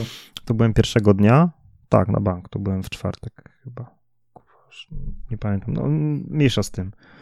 Ale no mówię, dzień premiery, godzina 19.30 seans, jeszcze później był następny, było 20.30, ale to już nie chciałem tak późno się wybierać i stoję, dochodzę do kasy i mówię, kurde, pełno ludzi. Mówię, przejebane, no, no mam taki charakter, że ogólnie ludzie mnie wkurwiają, więc jak wiem, że będzie ich dużo, no to nie będzie to udany seans. E, I tak zażartowałem do żony, bo akurat ona ma, ma podobne uczucia w stosunku do e, gatunku ludzkiego co ja. I chciałem ją pocieszyć. Mówię, spokojnie, oni pewnie wszyscy idą na minionki. No i okazało się, że miałem rację. oni wszyscy szli na minionki, które już miały premierę 1 e, lipca. I to akurat byli no, sami młodzi, ale dorośli ludzie, więc byłem zaskoczony, że, że na miłość i grom no, na seansie nie było zbyt wiele osób, może z kilkanaście. Mm, ja byłem w sobotę i było tak z połowa mhm. sali. Więc u mnie zdecydowanie tak, więcej. zdecydowanie więcej, ale też y, dzień weekendu, nie, ja już sobie przypomniałem, ja byłem w piątek, ale jednak sobota i niedziela to są takie dni, które rzeczywiście więcej osób przychodzi do kina, więc wydaje mi się, że też y, mogło być później już więcej osób. A piątek jednak to... W piątek ludzie piją, nie oglądają filmy. Można pić podczas filmu. No, ale nie, nie polecam, bo mnie denerwowali wtedy, więc. Więc jak ja idę do kina, to nie no. pijcie podczas seansu. I nie tak, kupujcie tak, po... tak. Nie, to popcorn może możecie, kupo... możecie kupować, tylko po. nie siadacie w moim rzędzie. Ja zawsze siadam w szóstym rzędzie, ostatnio mam taką taktykę. Mówię, bo to jest jeszcze nie, za, mhm. nie tak blisko, ale mhm. nie tak e, daleko, żeby, żeby ktoś siedział przede mną. I zawsze ja kończę po prostu z tą, tą granicą wyznaczającą. Wiadomo, że jak jest mhm. mnóstwo ludzi w kinie, ja taki... no to mhm. zawsze ktoś usi usiądzie bliżej, ale jak jest tak no, umiarkowanie, że tam jest kilkanaście osób, lekko kilkadziesiąt, no to szósty rząd jest zajebisty wtedy. Ja zwykle siadam tak powyżej połowy, tak trochę pod koniec i z boku. Hmm. Nie na środku, bo na środku wchodzi najwięcej tak, tak. ludzi, tylko tam na krzesełkach y, bocznych. I wtedy mam cały dla siebie y, ekran, bo właściwie tam nikt nie siada, no tylko, że jest trochę pod skosem, no ale to nie jest problem. No nie, nie, jak jest, jest duży ekran, to spokojnie. A i w zeszłym tygodniu nadrobiłem w końcu Top Guna. Też się wybrałem na randkę i, i obejrzałem ponad miesiąc po premierze. Więc seans był taki, że było nas pięciu w kinie, pięć osób było. Ale jakby ktoś e, jeszcze mm, był zainteresowany moim zdaniem, to, to, to również polecam. Jak będziecie mieli okazję, to warto obejrzeć e, Top Gun Maverick. Bardzo fajny film. E, dobrze. Ja myślę, panowie, jeszcze sobie tak zakończymy ten jubileuszowy dziesiąty odcinek szybkim zestawieniem co do gier, które wyszły w minionym półroczu. Poprosiłbym Was o podanie jednego zaskoczenia, w sensie pozytywnym, rozczarowania i może najlepszą polską grę tego półrocza i powiedzmy takie czwarta gra taka, nie wiem, taka specjalna kategoria jakaś taka, nie wiem, najlepsza grafika, najlepsze cokolwiek, nie wiem. Możemy powiedzieć też, ile gier przeszliśmy. Śmiało. Możecie się dzielić czym chcecie, także zacznijmy od Tomka. Zaskoczenie, rozczarowanie, polska gra, jakaś taka kategoria od siebie może. Jak masz ochotę? E, jasne, jasne. Więc tak, um, jeśli chodzi o pozytywne zaskoczenie, to to będzie e, Infernax, e, o którym już e, mówiliśmy w którymś z wcześniejszych odcinków. To jest e, tytuł, który debiutował w Game Passie gra 2D, e, taka lekka Metroidvania, połączenie Castlevanii i lekkie klimaty kontry, naprawdę brutalna, naprawdę e, klimatyczna gra, którą chyba cztery albo pięć razy skończyłem. Jeszcze raz muszę ją skończyć, żeby mieć e, wszystkie osiągnięcia za wszystkie zakończenia. Naprawdę fajny tytuł, świetnie się grało. No i byłem zaskoczony tym, jak bardzo mnie wciągnął. Jeżeli chodzi o największe rozczarowanie, no to tutaj muszę wskazać na e, Stranger of Paradise Final Fantasy Origin, czyli e, Koei Tecmo, e, Team Ninja. Liczyłem, że dostanę coś na poziomie Nio, a to jest bardzo, bardzo ubogi, ubogi krewny, tak jakby wczesna wersja Nio z idiotyczną fabułą, masą kiepskich pomysłów, które jakby rujnują E, całkiem spory potencjał tego tytułu. E, jeżeli chodzi o polską grę naj, najlepszą, no to tutaj wydaje mi się, że wybiorę coś raczej nietypowego. To jest taki tytuł e, Forgive Me Father od polskiego studia Byte Barrel. To jest taki lekki boomer shooter połączony z horrorem bazujący na twórczości Lovecrafta.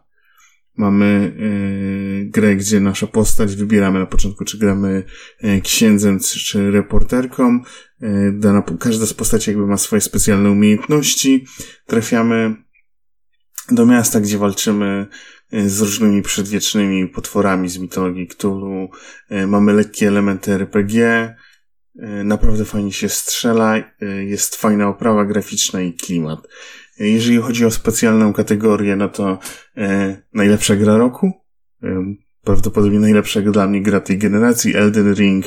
O nim też już trochę, trochę mówiłem wcześniej.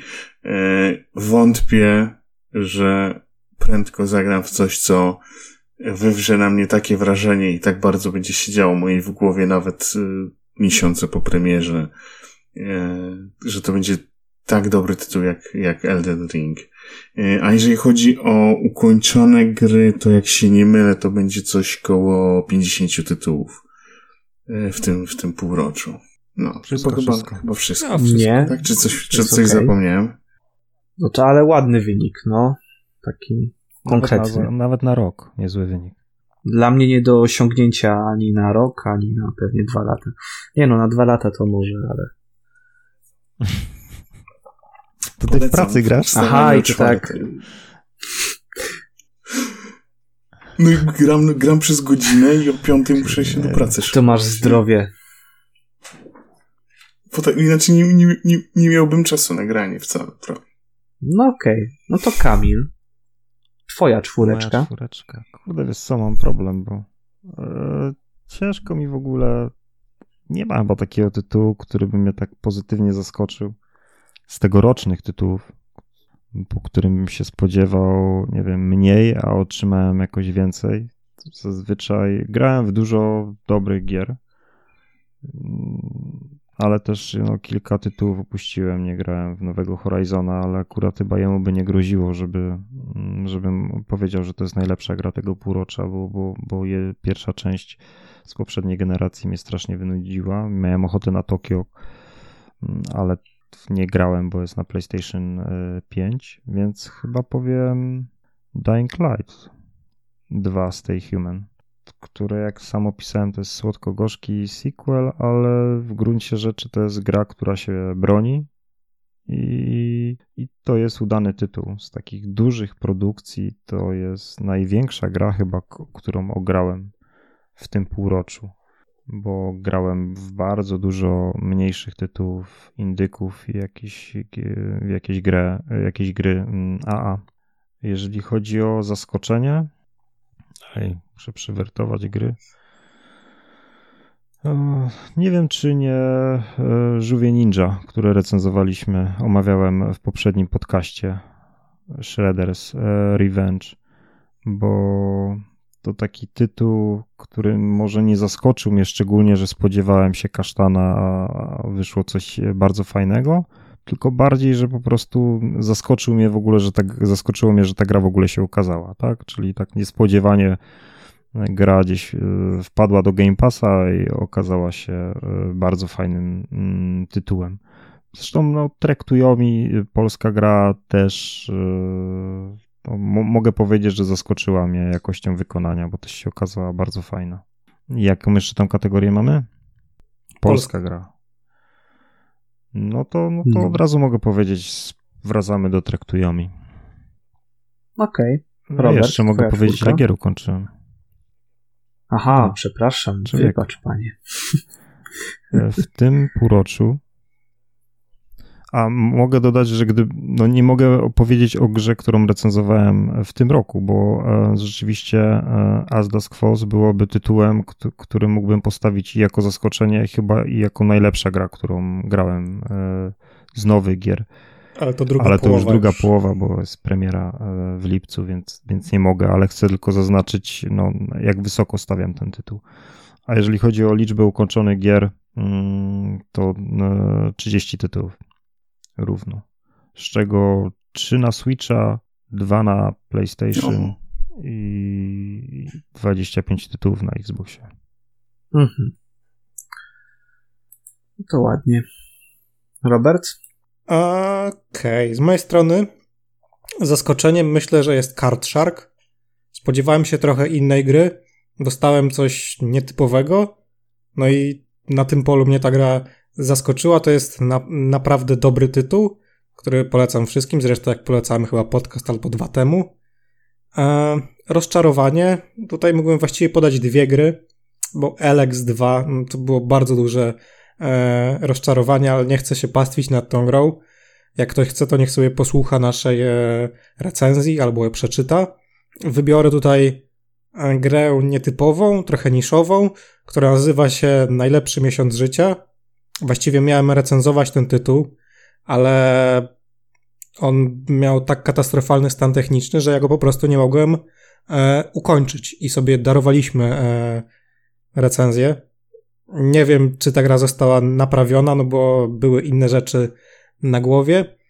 Na tym polu mnie e, rozczarowała.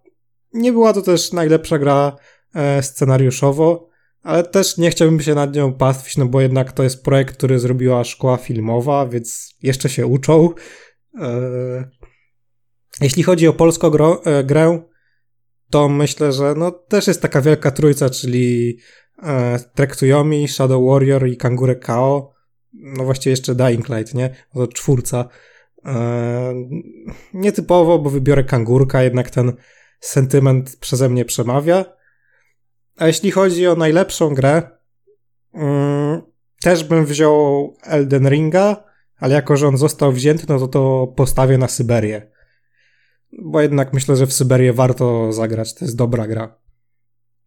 A liczba ukończonych tytułów, no niestety ja nie mogę się pochwalić tak dużą ilością e, skończonych gier, bo ja skończyłem gier tylko 19, ale to przez to, że w tym roku wciągnąłem się w, w otwarte światy i między innymi skończyłem na 100% Assassin's Creed e, Odyseję.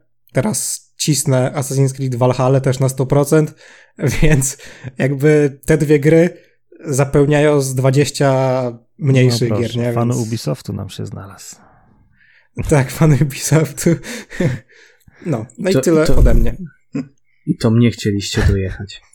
Okej, co na zakończenie? Ja chyba gdzieś tak między 15 a 20 tytułów ukończyłem. Niestety listę w trakcie porzuciłem i teraz nie dojdę do tego. Dobra, to, to jest pierwsze. Najlepsza polska gra. Jako, że jeszcze tego kangurka tak ja powiem Shadow Warrior 3 na razie, bo traktują mi też, też jeszcze nie, nie ogrywałem, ale pewnie gdzie będziemy gdzieś bliżej e, końca roku i będziemy myśleć nad e, rankingami, to pewnie myślę, że, że te dwa tytuły też wpadną do kolekcji ogranych tytułów i być może tego Shadow Warriora 3 zdetronizują, a raczej pewnie jest na to szansa. Nie wiem, czy coś w tym roku jeszcze z polskich gier. E, No, Evil West jest, Tak, tak. jeszcze może być taką grą. Taką grą może też jeszcze być Hard West 2. To tak na pewno. Zobaczymy jeszcze, co będzie z Fire Commander, ale tutaj ja na pewno nie będę.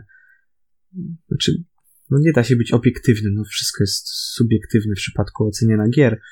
Mm, Ale możliwe, że ta gra będzie miała u mnie jakiś tam handicap po prostu i jeżeli będzie naprawdę świetna, to, to być może będę gdzieś ją tam faworyzował. Yy, Okej, zaskoczenie. A dajmy przewrotnie też tego Shadow Warriora 3, bo jednak włączasz trzecią odsłonę serii i masz zupełnie co innego niż w poprzednich grach. Więc jest to jakieś zaskoczenie, ale jak najbardziej pozytywne i gdyby e, Flying Wild Hawk zechciało kiedyś jeszcze dalej pracować nad Shadow Warriorem, to mogliby zostać w tej konwencji albo w konwencji dwójki. Do jedynki już na pewno nie wracać. Mm, rozczarowanie. Myślę, że Postal 4. Nawet jeżeli. Jak to jest? My expectations were low, but holy fuck. Coś na tej zasadzie. Hmm. Średnio to wyszło. Żeby nie powiedzieć, że tragicznie. I taka kategoria od siebie. mm, Najlepsza gra, której nie znacie. To nie będzie ruski shooter ale to będzie całkiem spoko gra strategiczna. RTS. Tak naprawdę DLC do DLC. Ponieważ parę lat temu powstało Call to Arms, e, czyli gra w stylu Men of War'a, ale e, Men of War traktował II wojny światowej, Call to Arms o czasach współczesnych. No to zrobili DLC, e, które nazywało się Gates of Hell, które traktowało II wojny światowej, a teraz do tego DLC doszło w sumie DLC, które nazywa się Gates of Hell Talvisota i tam możemy skopać dupę ruskim, grając e, Finami w wojnie lapońskiej podczas II wojny światowej. Także ja polecam, świetne RTS. Czekaj, czekaj, bo się zgubiłem. To jest Nie, DLC, do DLC do DLC. do w sumie głównej gry, no powiedzmy w ten sposób. Chociaż zależy jak patrzeć, bo jakbyś tak powiedział Hmm. Call to Arms, to też tam kolejne przypoczwarzenie się Men tylko właśnie w wersji współczesnej, także faktycznie jest to taka matrioszka. Ale świetna gra.